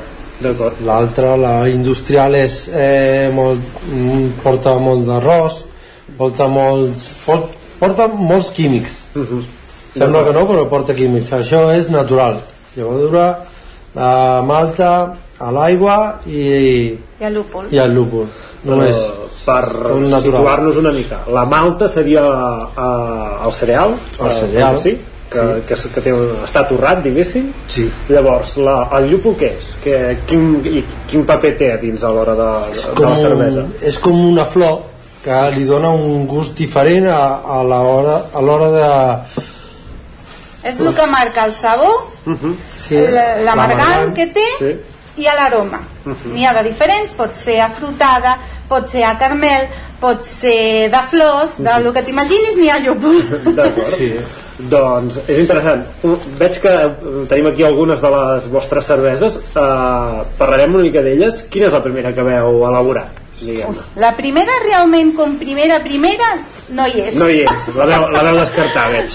Bueno, és millorar la recepta, és molt de fer, molt de fer, de provar, de canviar llúpols, de canviar temps, temperatures, i va quedar aquesta, Ah, si, que es si diu Puro Coco. Vale, uh, us volia aprofitar per preguntar pel, pel nom de la cervesera Circoco, uh, Puro Coco, d'on ve això? Vale, lo important és lo de Coco, Sí, que sí. com veus té un gos, Sí, sí. que era el gos que teníem. Ah, d'acord, era part de la família. Era part de la família. I Mhm. quan van començar així en plan sèrio, de dir fem alguna cosa, quan el dia que embotellàvem, la primera tirada més oficial va morir aquell dia. D'acord, i com a Llavors, record, no? com a record i com homenatge es va quedar Li van posar el nom. Cir de Castellcir, Coco. Va, d'acord. doncs eh, interessant el, el joc de paraules i, i bonica la, la història. Com és aquesta cervesa que, que heu batejat amb puro coco? És Una una American cervesa- Amber Ale, és una torradeta amb uns tocs dolços de carmel que Sí, quan passa a la garganta es queda més a la gola més, una mica més amarganta però molt suau És suau, però... És una no torrada amargant diferent. Al final. Deixa una textura diferent a la boca. Clar, aquí hauríem d'entrar tot el món de, Sí. de, de les cerveses També que, quan, quan que, que n'hi ha varietats de, de noms d'això, si d'un cas eh, ens aneu explicant una mica el significat de, de cada una, una mica d'aquestes que teniu vosaltres Amber Ale, què, què vol dir? Això seria, la traducció seria cervesa torrada, diguéssim? cervesa eh, com, com cobriza. sí. És- Vale. D'acord. Torrada. És que per Torrada, de la malta, sí. sí. Ah, d'acord.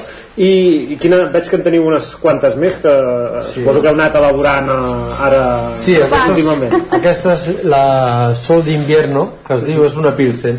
és semblant a una Quilmes, Val. vale? o com una estrella semblant. O... Sí, seria la, és una, la versió, una artes- rosa. la versió artesana de, de la cervesa comercial Industrial. Sí, perquè és una rosa.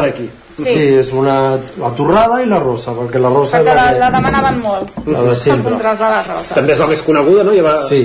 També us volia preguntar per això. Uh, suposo que te, te, capteu fàcilment un públic de, de cerveser artesà que ja Sí. està acostumat uh, aquí al territori, diguéssim, Catalunya Central. Uh, potser estem més habituats a, a veure més la cervesa industrial Sí. uh, us costa uh, entrar uh, o us demanen potser cerveses més com aquesta que s'assemblen més a l'estrella de tota la vida diguéssim Bueno, la veritat que la gent per provar les prova totes, eh? Perquè sembla que, que portes aquí unes quantes i, bueno, van provant. Aquesta què és? Una torrada? Ah, pues me l'emporto. Aquesta una normal. Aquesta és una IPA. És amargant. Ah, és diferent. Hi ha gent, ara, abans, lo millor no, però ara la gent prova diferents coses. els agrada provar Sí, la, les diferents sempre és el mateix, una pilsen i la, la típica torrada, no? Si vas posant coses diferents.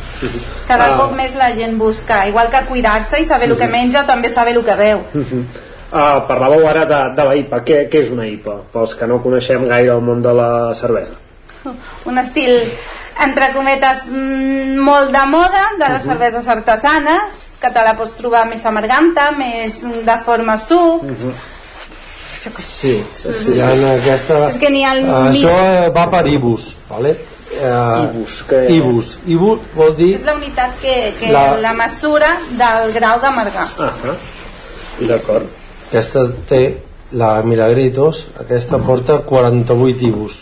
Això aquesta seria- quan entra és molt amargant és molt amargant, però té el gust de, de la fruita i tot això. En canvi, aquesta l'Aràdia, vale? és una Easy IPA, no és tan amargant quan entra, però li notes la mateixa, el mateix gust de fruita, de pera, de, de poma, de... seria de més fàcil, no? Sí, Mhm. Veig que hem parlat una mica ja de, la, de les diferents uh, cerveses que teniu, ens en queda una, no sé Sí. si, si és molt diferent a les Bueno, la altres. birra de sal i aquesta és bastant diferent, és com una pumpkin. És una de carbassa i boniato. Ah, d'acord, panking de carbassa. Sí. Uh, clar, llavors aquí tens diferents gustos. Això com ho aconseguiu? Poseu, diguéssim, carbassa i Massa. moniat? Sí, sí, sí, sí. Com, com és el procés d'elaboració? Massaran també la, la carbassa i el boniato amb la malta. Val. Posa allà amb, amb la malta li va traient el sucre de, del producte. Mhm. D'acord, llavors eh, impregna el gust de, Sí. de, de, en aquest cas la carbassa no? I Del el mosto, moniato. sí, de- i moniato i després el procés d'elaboració torna a ser com el que heu explicat abans sí. Sí, És després el a l'hora de bullir el llúpol també se li pot afegir doncs, el que vulguis. És que es fa de mil maneres. és segons allò que a la vegades trobem cerveses de, de xocolata o, Sí, sí, sí. de, o de, de fruites galeta, de, sí, sí, de Mhm. cafè. molt bé, doncs uh, molt, molt interessant uh, heu començat fa poc el projecte com, com us està funcionant? De moment bastant, bastanta acceptació Mhm. perquè van demanant, van, van preguntant no? Fem bastant fires també per Sí, sí. donar-nos a conèixer. les tendes, els bars, també, restaurants. Quan, Uh, de moment us moveu pel Moianès, diguem-ne, Sí. o quina, quina zona es poden trobar les vostres cerveses? A Sant Més carrer en, en Moianès de Moianès. moment. Sí. Intentarem expandir, però bueno, primer a casa. Ah, sí, sí, no, ja està bé quan, per fer-nos una idea quantes uh, ampolles produïu al, al mes no sé si teniu un, com ho compteu o... Unes 300, 400 ampolles de moment, sí, Al mes. sense, sense el tirador. Molt bé. I, sense i pensar on- en el tirador que, que també que estan estem a més les fires. Sí, clar. Ah, quan, uh, on elaboreu? O sigui, heu començat el projecte familiar, esteu elaborant a casa? Elaborem a casa, però la, aquestes que són de... per vendre, Per per, comercialitzar, eh, les fem artés, que és on està un, La cervecera de Cerveros, De que també és una sí. cervesera, Sí, sí. doncs fem allà.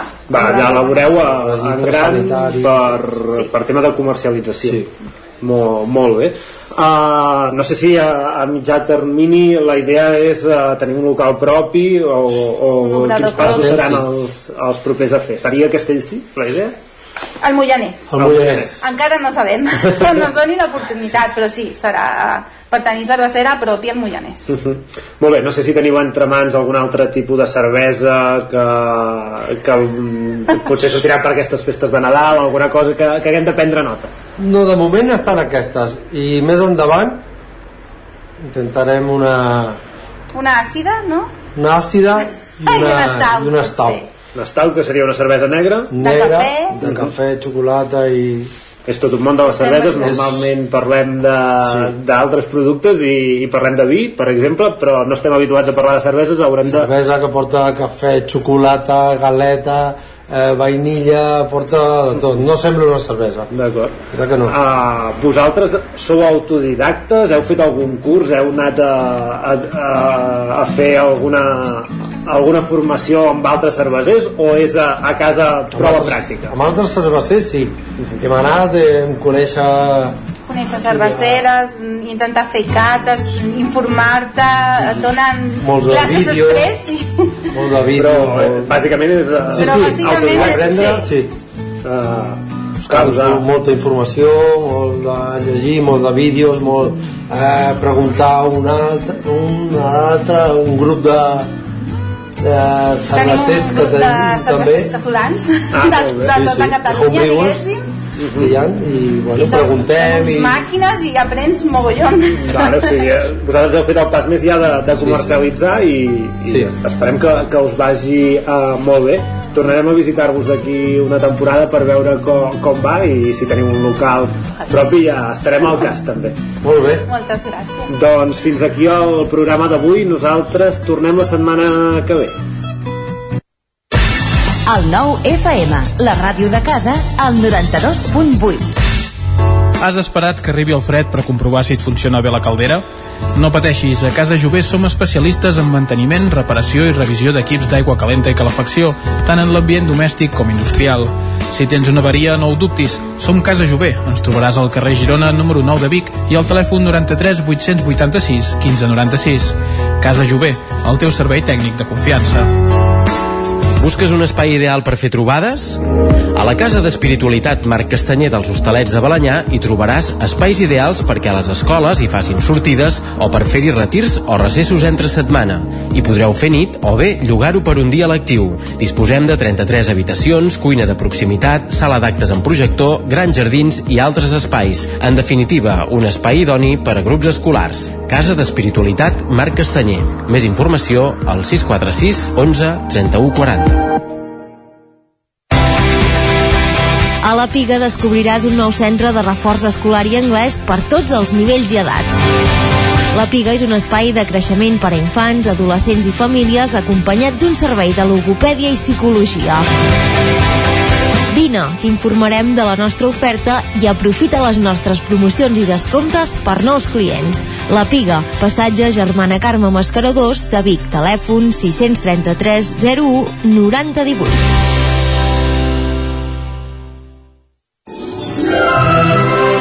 Arriba el Nadal i a l'Hiperbasar Liu ho trobaràs tot i a preus de fàbrica. Vine a conèixer la nova botiga Hiperbasar, la més gran de tot Vic. Ens trobaràs al carrer Torelló, 18 de Vic, al costat del Supeco, i al telèfon 672 62 15 33. Als teus fills els agrada la tecnologia? Apunta'ls a Codelern, l'extraescolar de programació i robòtica que els ajudarà a preparar-se per al futur i a ser creadors de tecnologia. Gràcies al mètode Codelern, cada alumne aprèn al seu ritme i pot començar quan vulgui. Us esperem a la Ronda Francesc Camprodon número 45 de Vic. Més informació a codelern.cat. Fa dos anys, el nostre món es va buidar i avui els plats de moltes famílies segueixen buits. Per això aquest any tornem a omplir-los. Tornem a omplir el rebost de qui més ho necessita. El 25 i 26 de novembre torna el Gran Recapte. Tornem a omplir les caixes de solidaritat. Dona aliments o fes un donatiu a granrecapte.com. Ajudar a omple. Anuncia't al 9FM. La màquina de casa. 9 3 8 8 9 4 9 4 9 Publicitat arroba al 9FM.cat. Anuncia't al 9FM. La publicitat més eficaç.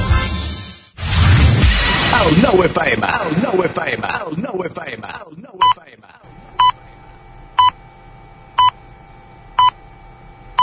En punt, dos quarts d'onze.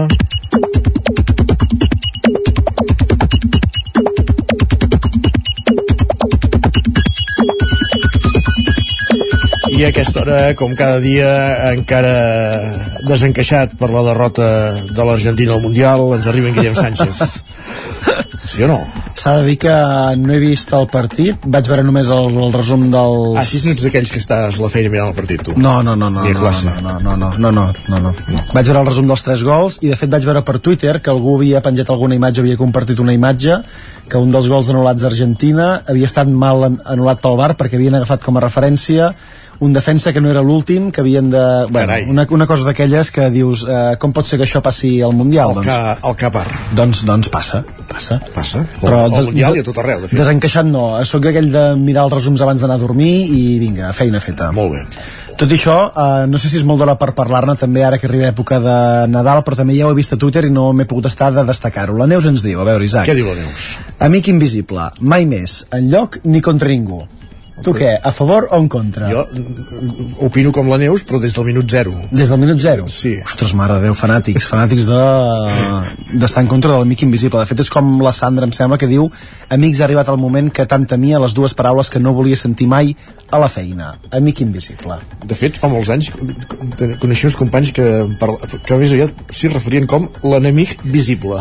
Enemic visible. Jo, jo sé de gent que fa l'enemic invisible, també, de regalar regals d'aquells de dubtosa qualitat, diguéssim. Acaben sent tots visibles, sí. Correcte. Ben al contrari que la Raquel, que ens diu m'encanta notar que a poc a poc s'apropa el Nadal, ja he fet tres sortejos de l'amic invisible. Caram. Mare de Déu. I entenc que aquest missatge l'ha escrit un professor, ens diu enguany faré classe a universitaris els últims quatre dies abans de Nadal. Els diré de fer un amic invisible, segur que això em guanya molt al seu favor en lloc de fer classe i d'apostar per l'aprenentatge, vinga, amics invisibles. Va, i l'època d'amics invisibles també és època de baixes temperatures, en aquest sentit l'Arnau Tordera en recorda, diu què, Nassarró congelat, ara enyores l'abrigall de la mascareta, eh? Doncs no, no, no, li he dir Tu que no? no. No, no, està. buf, un buf per, per, per sobre és la gran solució per a aquestes èpoques de, de baixes temperatures i On de, vist mascareta? i de nassos vermells. Hi ha gent que encara la porta, eh? A punt. Va, i si us trobeu malament, la segona usuari té la solució per curar tots els problemes i tots els mals del món. Escolteu. Ja. Diu, et trobes malament, tens dècimes, ets al llit llegint i comença a ploure. Surts del llit, et vesteixes i vas a classe de zumba i en sortir estàs com una rosa. Diu, alguna explicació científica o religiosa? Això de la, de la zumba es, es veu que deu, que deu tirar, doncs deu L'esport, per... l'esport en general és un antídot contra tots els mals. Va, i m'agrada molt destacar el que li ha passat a l'Anna quan ha anat a comprar. No sé si també us passa a vosaltres. Aviam. Diu, vaig a comprar ous i en surto amb un difusor d'olis essencials que no funciona perquè el nen s'entretingui provant d'arreglar-ho. Coses maques del meu barri. No us passa, no, allò que aneu a comprar una cosa i en surts amb una altra totalment diferent que no té res a veure amb el que volies comprar al principi i que no saps ni com t'han enganyat, suposo, per, per poder-te endur endur a casa. És aquelles coses que val més no anar a comprar amb, el, amb, la, panxa, amb la panxa buida també. Amb el difusor d'olis essencials no sé si seria el cas, però vaja. Ni amb gaires diners tampoc a la butxaca perquè no te'ls puguis gastar amb allò que no, que no val la pena. Aquesta també és una gran recomanació. ara el plàstic ja substitueix els diners. també Correcte, un altre debat de veure qui porta encara diners a, en metàl·lic a les, a les butxaques i a les, i a les carteres. Va, i moment per comentar una d'aquelles notícies curioses, la que ens eh, deien ahir, Bèlgica no dona l'abast per incinerar la cocaïna que decomissa al port d'Anvers. Curiós, no? La cocaïna decomissada s'incinera? Es veu que sí. Segons aquesta notícia, deien que sí. Diu, la gent, evidentment, no ha trigat a respondre en aquesta notícia. Usuaris que diuen com podem ajudar, d'altres que ens comenten aquí en tres dies no en quedaria res, i l'Albert que ens dona una solució. Diu que la deixin en, en un descampat i tot això que s'estalviaran en energia, a més d'ensorrar el mercat per un temps. Caram. Doncs bé, solucions aquí que... No sé si les emissions són nocives. si No emeten amoníac i aquestes coses. Home, no sé si hi ha algun ambientòleg científic algú que ens pogués donar una mica, que ens pogués posar llum una miqueta en aquesta, en aquesta qüestió. Va, i canviem de tema molt ràpid. Qui no tingui idees per aquesta nit, llegim a l'Oriol i a la Siri. L'Oriol ens diu, sopant un iogurt griego que li he tirat xocolata paladín per sobre. Doncs mira, així de fàcil. I la Siri ens diu, només vull que sigui l'hora de sopar per fer-me una sopeta. Jo sóc molt, sóc molt de l'opinió de, la, de la Siri, aquestes sopetes ja de mes de novembre d'arribar a Sí, casa, del, del caldo, de la pasta o de les pilotilles, ostres, sempre, sempre, sempre es posen bé. Pilotilles, sobretot. eh? Sobretot pilotilles. doncs Isaac, demà una mica més. Doncs va, moltíssimes gràcies, Guillem, amb vagi les teves sopes en pilotilles. Parlem demà, fins ara, aleshores. Avancem al territori 17, tot seguit. Després agafarà el relleu en Guillem Sánchez a l'estudi, en Jordi Soler. Anem a l'alegria interior. Territori 17, el 9 FM, la veu de Sant Joan, Ona Codinenca, Ràdio Cardedeu, Territori 17.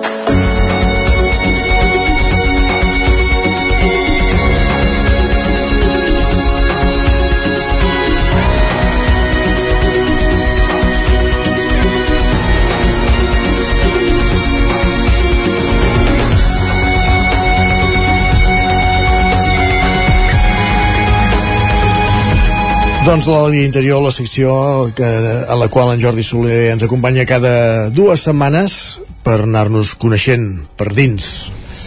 Uh, on som avui, Jordi? Bon dia. Bon dia, Isaac.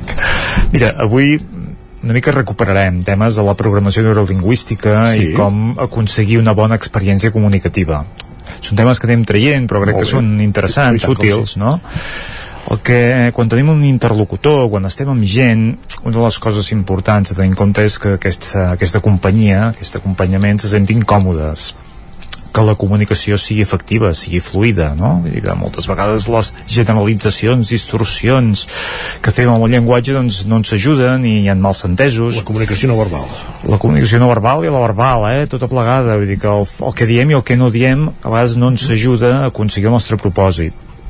Un dels aspectes importants és fer que aquest interlocutor interlocutor se sentin còmodes, se sentin bé, no? I la forma d'aconseguir-ho és entendre'ls, posar-se una mica a la seva pell, tenir en compte aspectes que la programació neurolingüística doncs, ens ofereixen i que si posem una mica de, de consciència i d'intenció, doncs la forma com ens parlem i com ens tractem i com ens comuniquem doncs pot, pot millorar molt un dels aspectes que ens recorda la programació neu- neurolingüística és el saber calibrar la persona que tenim al davant, saber observar la intensitat en, el, en la seva parla, la velocitat, la comunicació no verbal que deies, la, la gesticulació, l'expressió, el to, tot això ho hem de saber captar, eh? el que en PNL es diu la, la calibra, el calibratge, eh? saber observar molt tot el que tenim a davant perquè després ens puguem acostar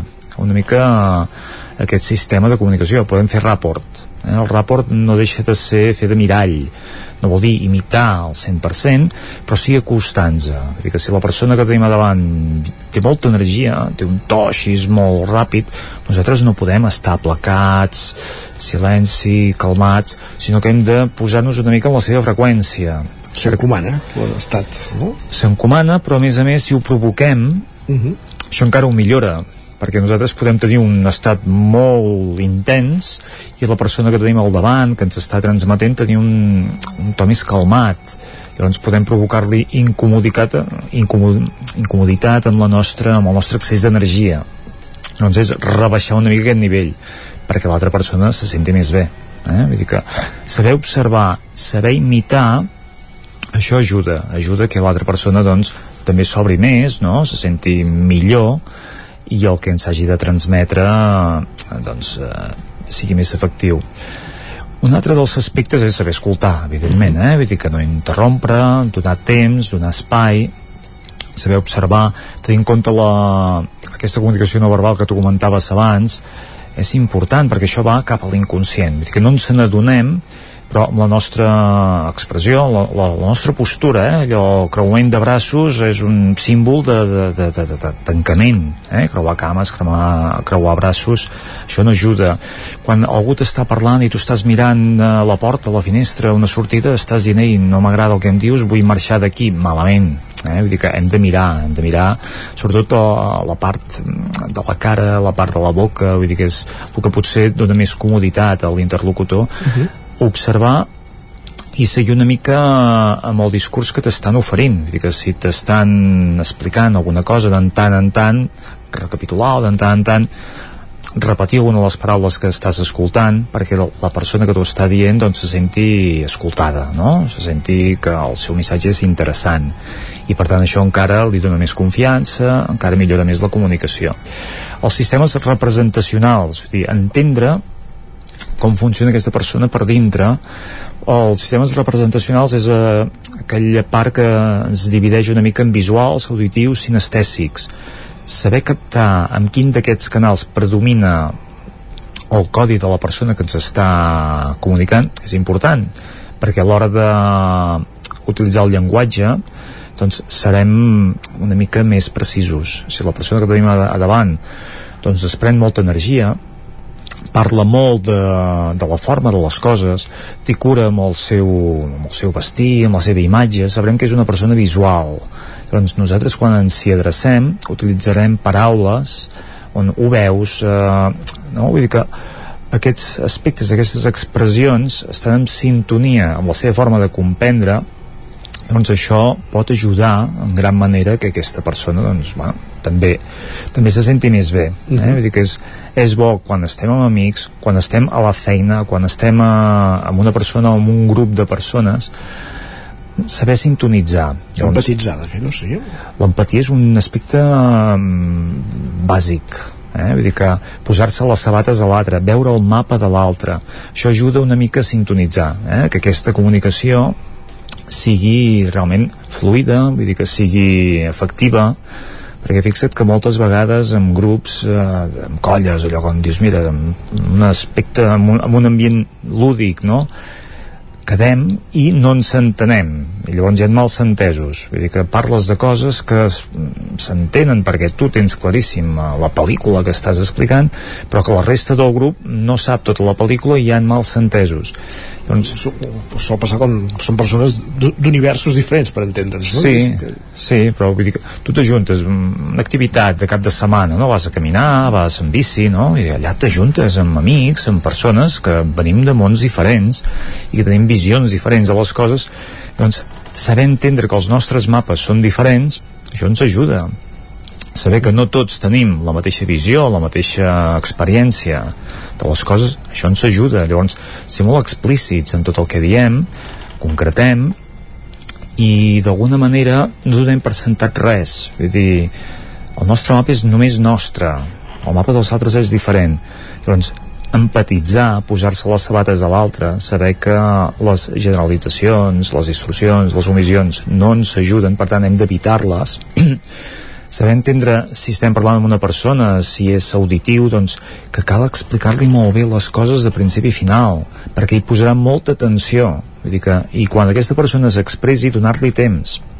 Una persona auditiva és una persona que s'interessa molt pel discurs, s'interessa molt per explicar els detalls, doncs hem de donar-li aquest temps, eh, aquest espai, que comenci i que acabi, no interrompre'l. Una persona sinestèsica es posa molt amb la part eh, de les sensacions. Una persona que parlarà baix que mirarà molt cap a, cap a la part interior cap a la part inferior també de, de que dirigeix la, la vista cap a baix. Això de el, els codis amb la mirada que ens indiquen si una persona és predominantment visual, auditiva o sinestèsica recordem, els que miren cap a dalt això ens estan dient que són visuals. Si a més a més dirigeixen la mirada cap a l'esquerra és que estan recordant eh? moltes vegades quan les persones no s'hi acaba de sortir el que vol dir comencen a dirigir la mirada en una direcció. Llavors quan aquesta direcció és cap a dalt sabem que és una persona visual és una pista clara i fàcil. Quan és cap a l'esquerra és un discurs recordat quan és cap a la dreta és creat. Els auditius miren cap als laterals esquerra i dreta i una persona que està recordant paraules, sons doncs fàcilment estigui, si ho està recordant, estigui mirant lleugerament cap a l'esquerra. I si busca la paraula, està buscant el discurs, mirarà cap a la dreta. Els sinestèsics miren cap a baix, no? la sensació, que em va produir, allò com vaig anar allà, doncs, eh, aquella experiència gastronòmica, el que em va transmetre, doncs fàcilment dirigeixin la mirada cap, cap a dintre, cap a baix. Llavors, saber entendre i captar tot això ens permet respondre, ens permet atendre, ens permet tenir en compte eh, a l'altra persona empatitzar, eh, sincronitzar fer aquest rapport que ajudi doncs, això, a tenir una experiència comunica comunicativa doncs, més efectiva i, i millor. Doncs avui hem fet aquesta parada, l'alegria interior, recuperant sessions de PNL i avui, doncs això, per, per ser més comprensius moltes vegades amb, amb l'interlocutor, més comprensius i per empatitzar més, com, com ells deies, per posar-nos més en el seu lloc i de cara a, a, a, a aconseguir una comunicació molt més fluida, no Jordi? Així mateix. Moltíssimes gràcies una setmana més. A tu. Bon dia. Altres.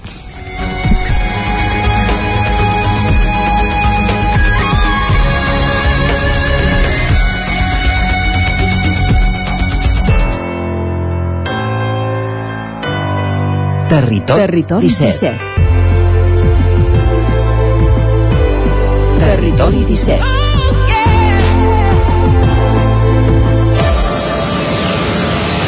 Tres quarts d'onze del matí, com cada dimecres acabem el programa parlant de llibres, d'un llibre en concret.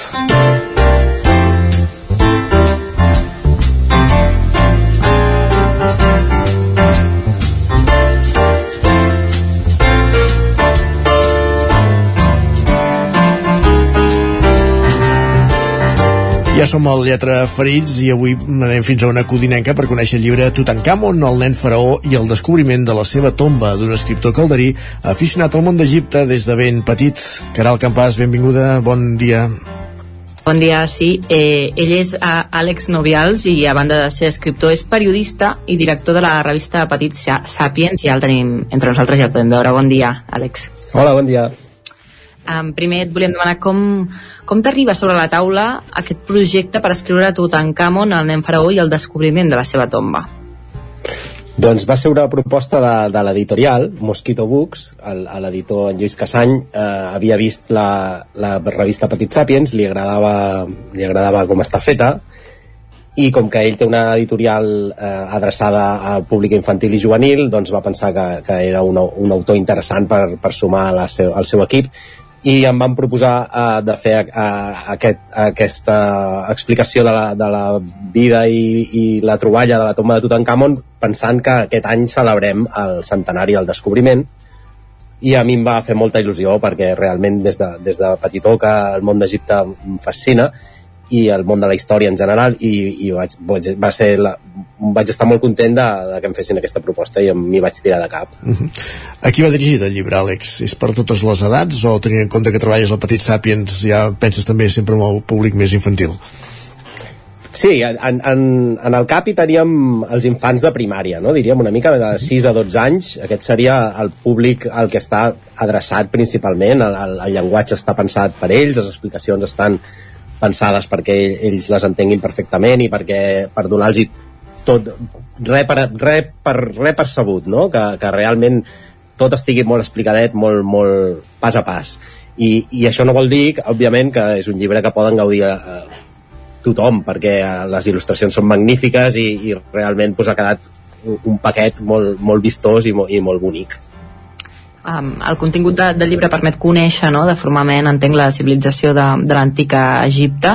Uh, comentaves que fa 50 anys de la descoberta de, de la tomba. Què, què en sabem no, d'això i d'aquest faraó tan, tan històric? 100, 100 anys, no 50, ja, Perdó. ja 100, o sigui, 100 de fet aquest, aquest dissabte, el, el dia 26, eh, es farà 100 anys exactes que van obrir la primera el primer foradet a la porta i van posar un llum a dins i van descobrir que havien trobat una tomba intacta, no? que gairebé intacta. Després es va saber que, que sí que havien intentat robar-la però que no ho havien aconseguit.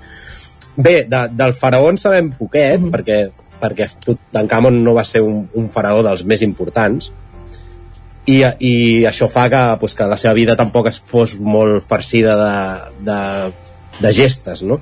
Sí que sabem que, el, que va pujar al tron molt jovenet, amb 9 anys ja era faraó, que, que era el fill d'un faraó molt, molt, molt important, aquest sí, Akenaton, que va, que va fer un gran terrabastall perquè va canviar eh, l'adoració dels déus a Egipte, que era un país molt tradicional, i això va crear un gran daltabaix, i Tutankamon de seguida això ho va tornar a canviar i va tornar a l'adoració de tots els déus anteriors, i, i que va morir jovenet també, va morir amb 18-19 anys eh, per una sèrie de problemes de salut i, i sembla que també per, per una malària que va contraure de, per la picada d'un mosquit.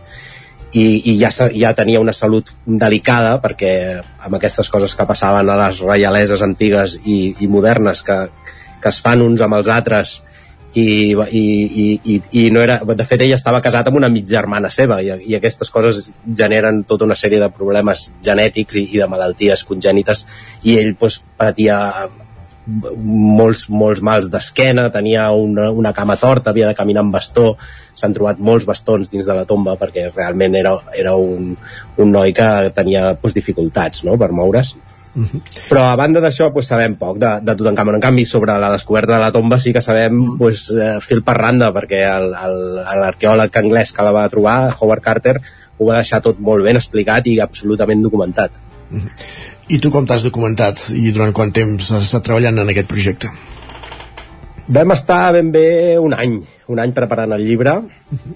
uh, primer llegint, òbviament, tot el que s'ha escrit, que és molt, uh, començant per, per la pròpia, el propi relat del, de l'arqueòleg, que, que ho explica molt bé i de primera mà, i després pues, tot, totes les uh, troballes que s'han anat fent també des d'aleshores ençà, no? que són moltes, i, i després l'altra part molt important de la feina va ser eh, la documentació gràfica, no? perquè és un llibre molt visual, és un llibre on, on la imatge té un protagonisme importantíssim, igual que fem a, a la revista Petit Sapiens, perquè creiem que realment que entri pels ulls és, és, és un, un factor molt important per despertar la curiositat també no? dels joves lectors i, i el, el, el fet de documentar tot molt bé i, i, i fer unes il·lustracions molt acurades històricament eh, va fer que treballéssim molt, molt cols amb cols amb la Eva Palomar, la il·lustradora, i això es va allargar ben bé un any. un any és força temps eh? Uh, eh, ets director de la revista Petit Sapiens ara ho comentaves també, ho hem dit al principi no sé si ens pots explicar una mica la trajectòria que tens i en quines revistes i mitjans de comunicació has treballat Sí, jo vaig, jo vaig estudiar periodisme i, mm i de molt aviat vaig començar a treballar eh, en el camp del disseny de premsa no? també mm. I, i llavors he passat per moltes revistes eh, he fet de tot una mica de revistes de videojocs, revistes de punt de creu revistes de, de vestits de núvia o sigui allò que, que vas buscant eh, a la feina que surt no? I, i, la, i, i així he anat provant de tot fins que fa ben bé 17 anys em van cridar de la revista Science i allà vaig començar a treballar com a director d'art en principi i, i, i va ser una gran sort per mi perquè a, mm. a part d'escriure de, i de dissenyar l'altra cosa que més m'agrada és la història i aleshores eh, després d'una una quinzena llarga d'anys a, treballant a Sapiens eh, va, va sorgir la idea de fer un, un Sapiens per petits això, aquesta va ser el germen del Petit Sapiens uh -huh. i des de fa cinc anys pues, en soc el director i, i també eh, n'estic molt content de, de poder fer aquesta feina Quins altres projectes forts tens entre mans? En tens algun altre projecte entre mans pel que fa a publicacions, diguéssim, en, en la línia d'aquest Tutankamon? La veritat que, que fer aquest llibre m'ha suposat una feinada, però m'ha agradat molt i, i veure l'imprès i, i, i tenir-lo entre les mans és, és un goig. O sigui que no descarto fer-ho, fer altres publicacions amb, amb aquesta línia i, i després pues, sempre vaig, jo sempre vaig escrivint també coses i si algun dia m'hi puc posar a fons pues, la idea seria fer alguna novel·la també. Abans parlaves d'això de, del fet d'estar de, dirigint la, la Petit Sapiens. Eh, com es planteja, no, diguéssim, el fet d'explicar de, la història eh, pensant en els més petits, diguéssim, perquè segurament eh, hi ha un doble exercici de, de trobar els temes i després d'explicar-los de, de, de tal manera que, que et puguin entendre, no?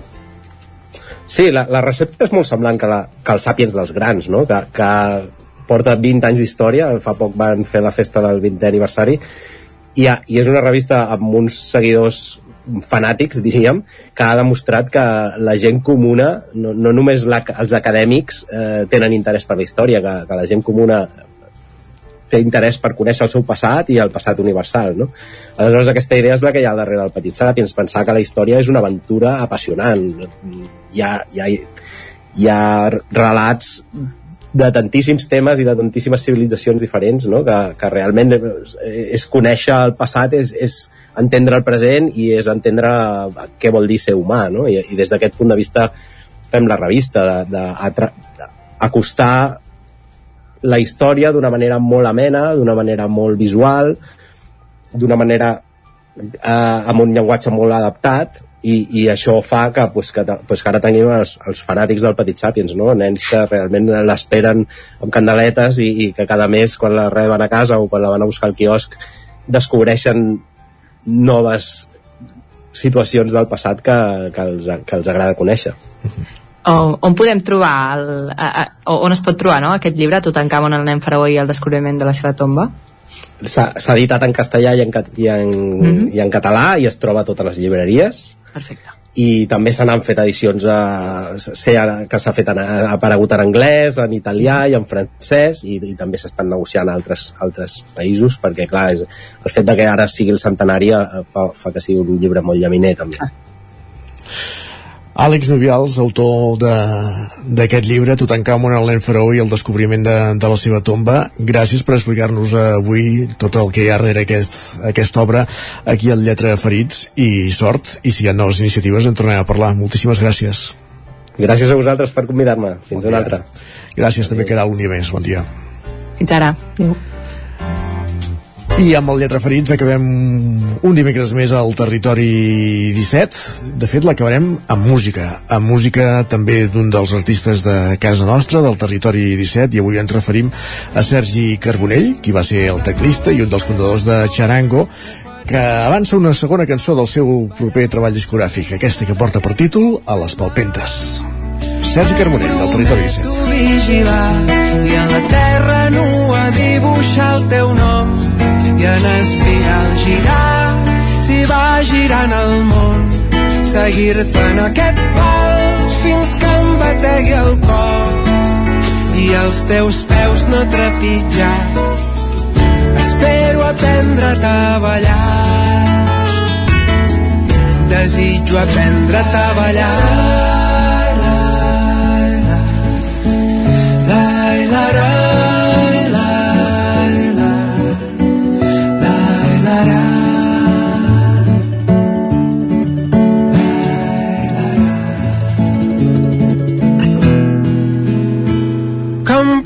seguir ballant si m'ofega l'egoisme d'aquest món.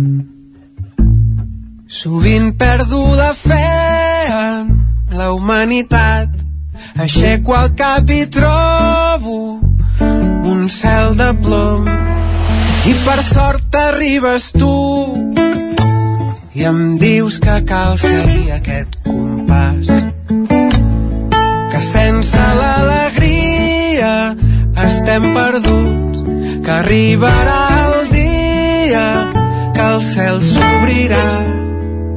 Espero que em cedeixis aquest ball, abraçar les teves pors, oferir-me tu descalç, ballar un vals tot i saber que et puc fer mal.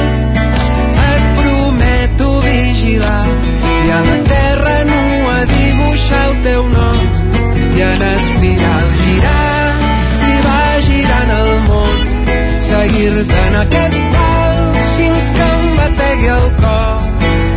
I els teus peus no trepitjar espero aprendre't a ballar. Desitjo aprendre't a ballar. Espero aprendre't a aprendre a ballar. Amb Sergi Carbonell acabem el territori 17 d'avui dimecres 23 de novembre de 2022. Us hem acompanyat des de les 9 del matí Pepa Costa, Pol Grau, Isaac Montada, Jordi Givert, Guillem Sánchez, Jordi Soler, Caral Campàs, Sergi Vives, Isaac Moreno. I tornarem demà a la mateixa hora, a partir de les 9 aquí, al territori 17, a casa vostra. Fins aleshores, un dia més. Gràcies per ser-hi i molt bon dimecres. Adéu-siau.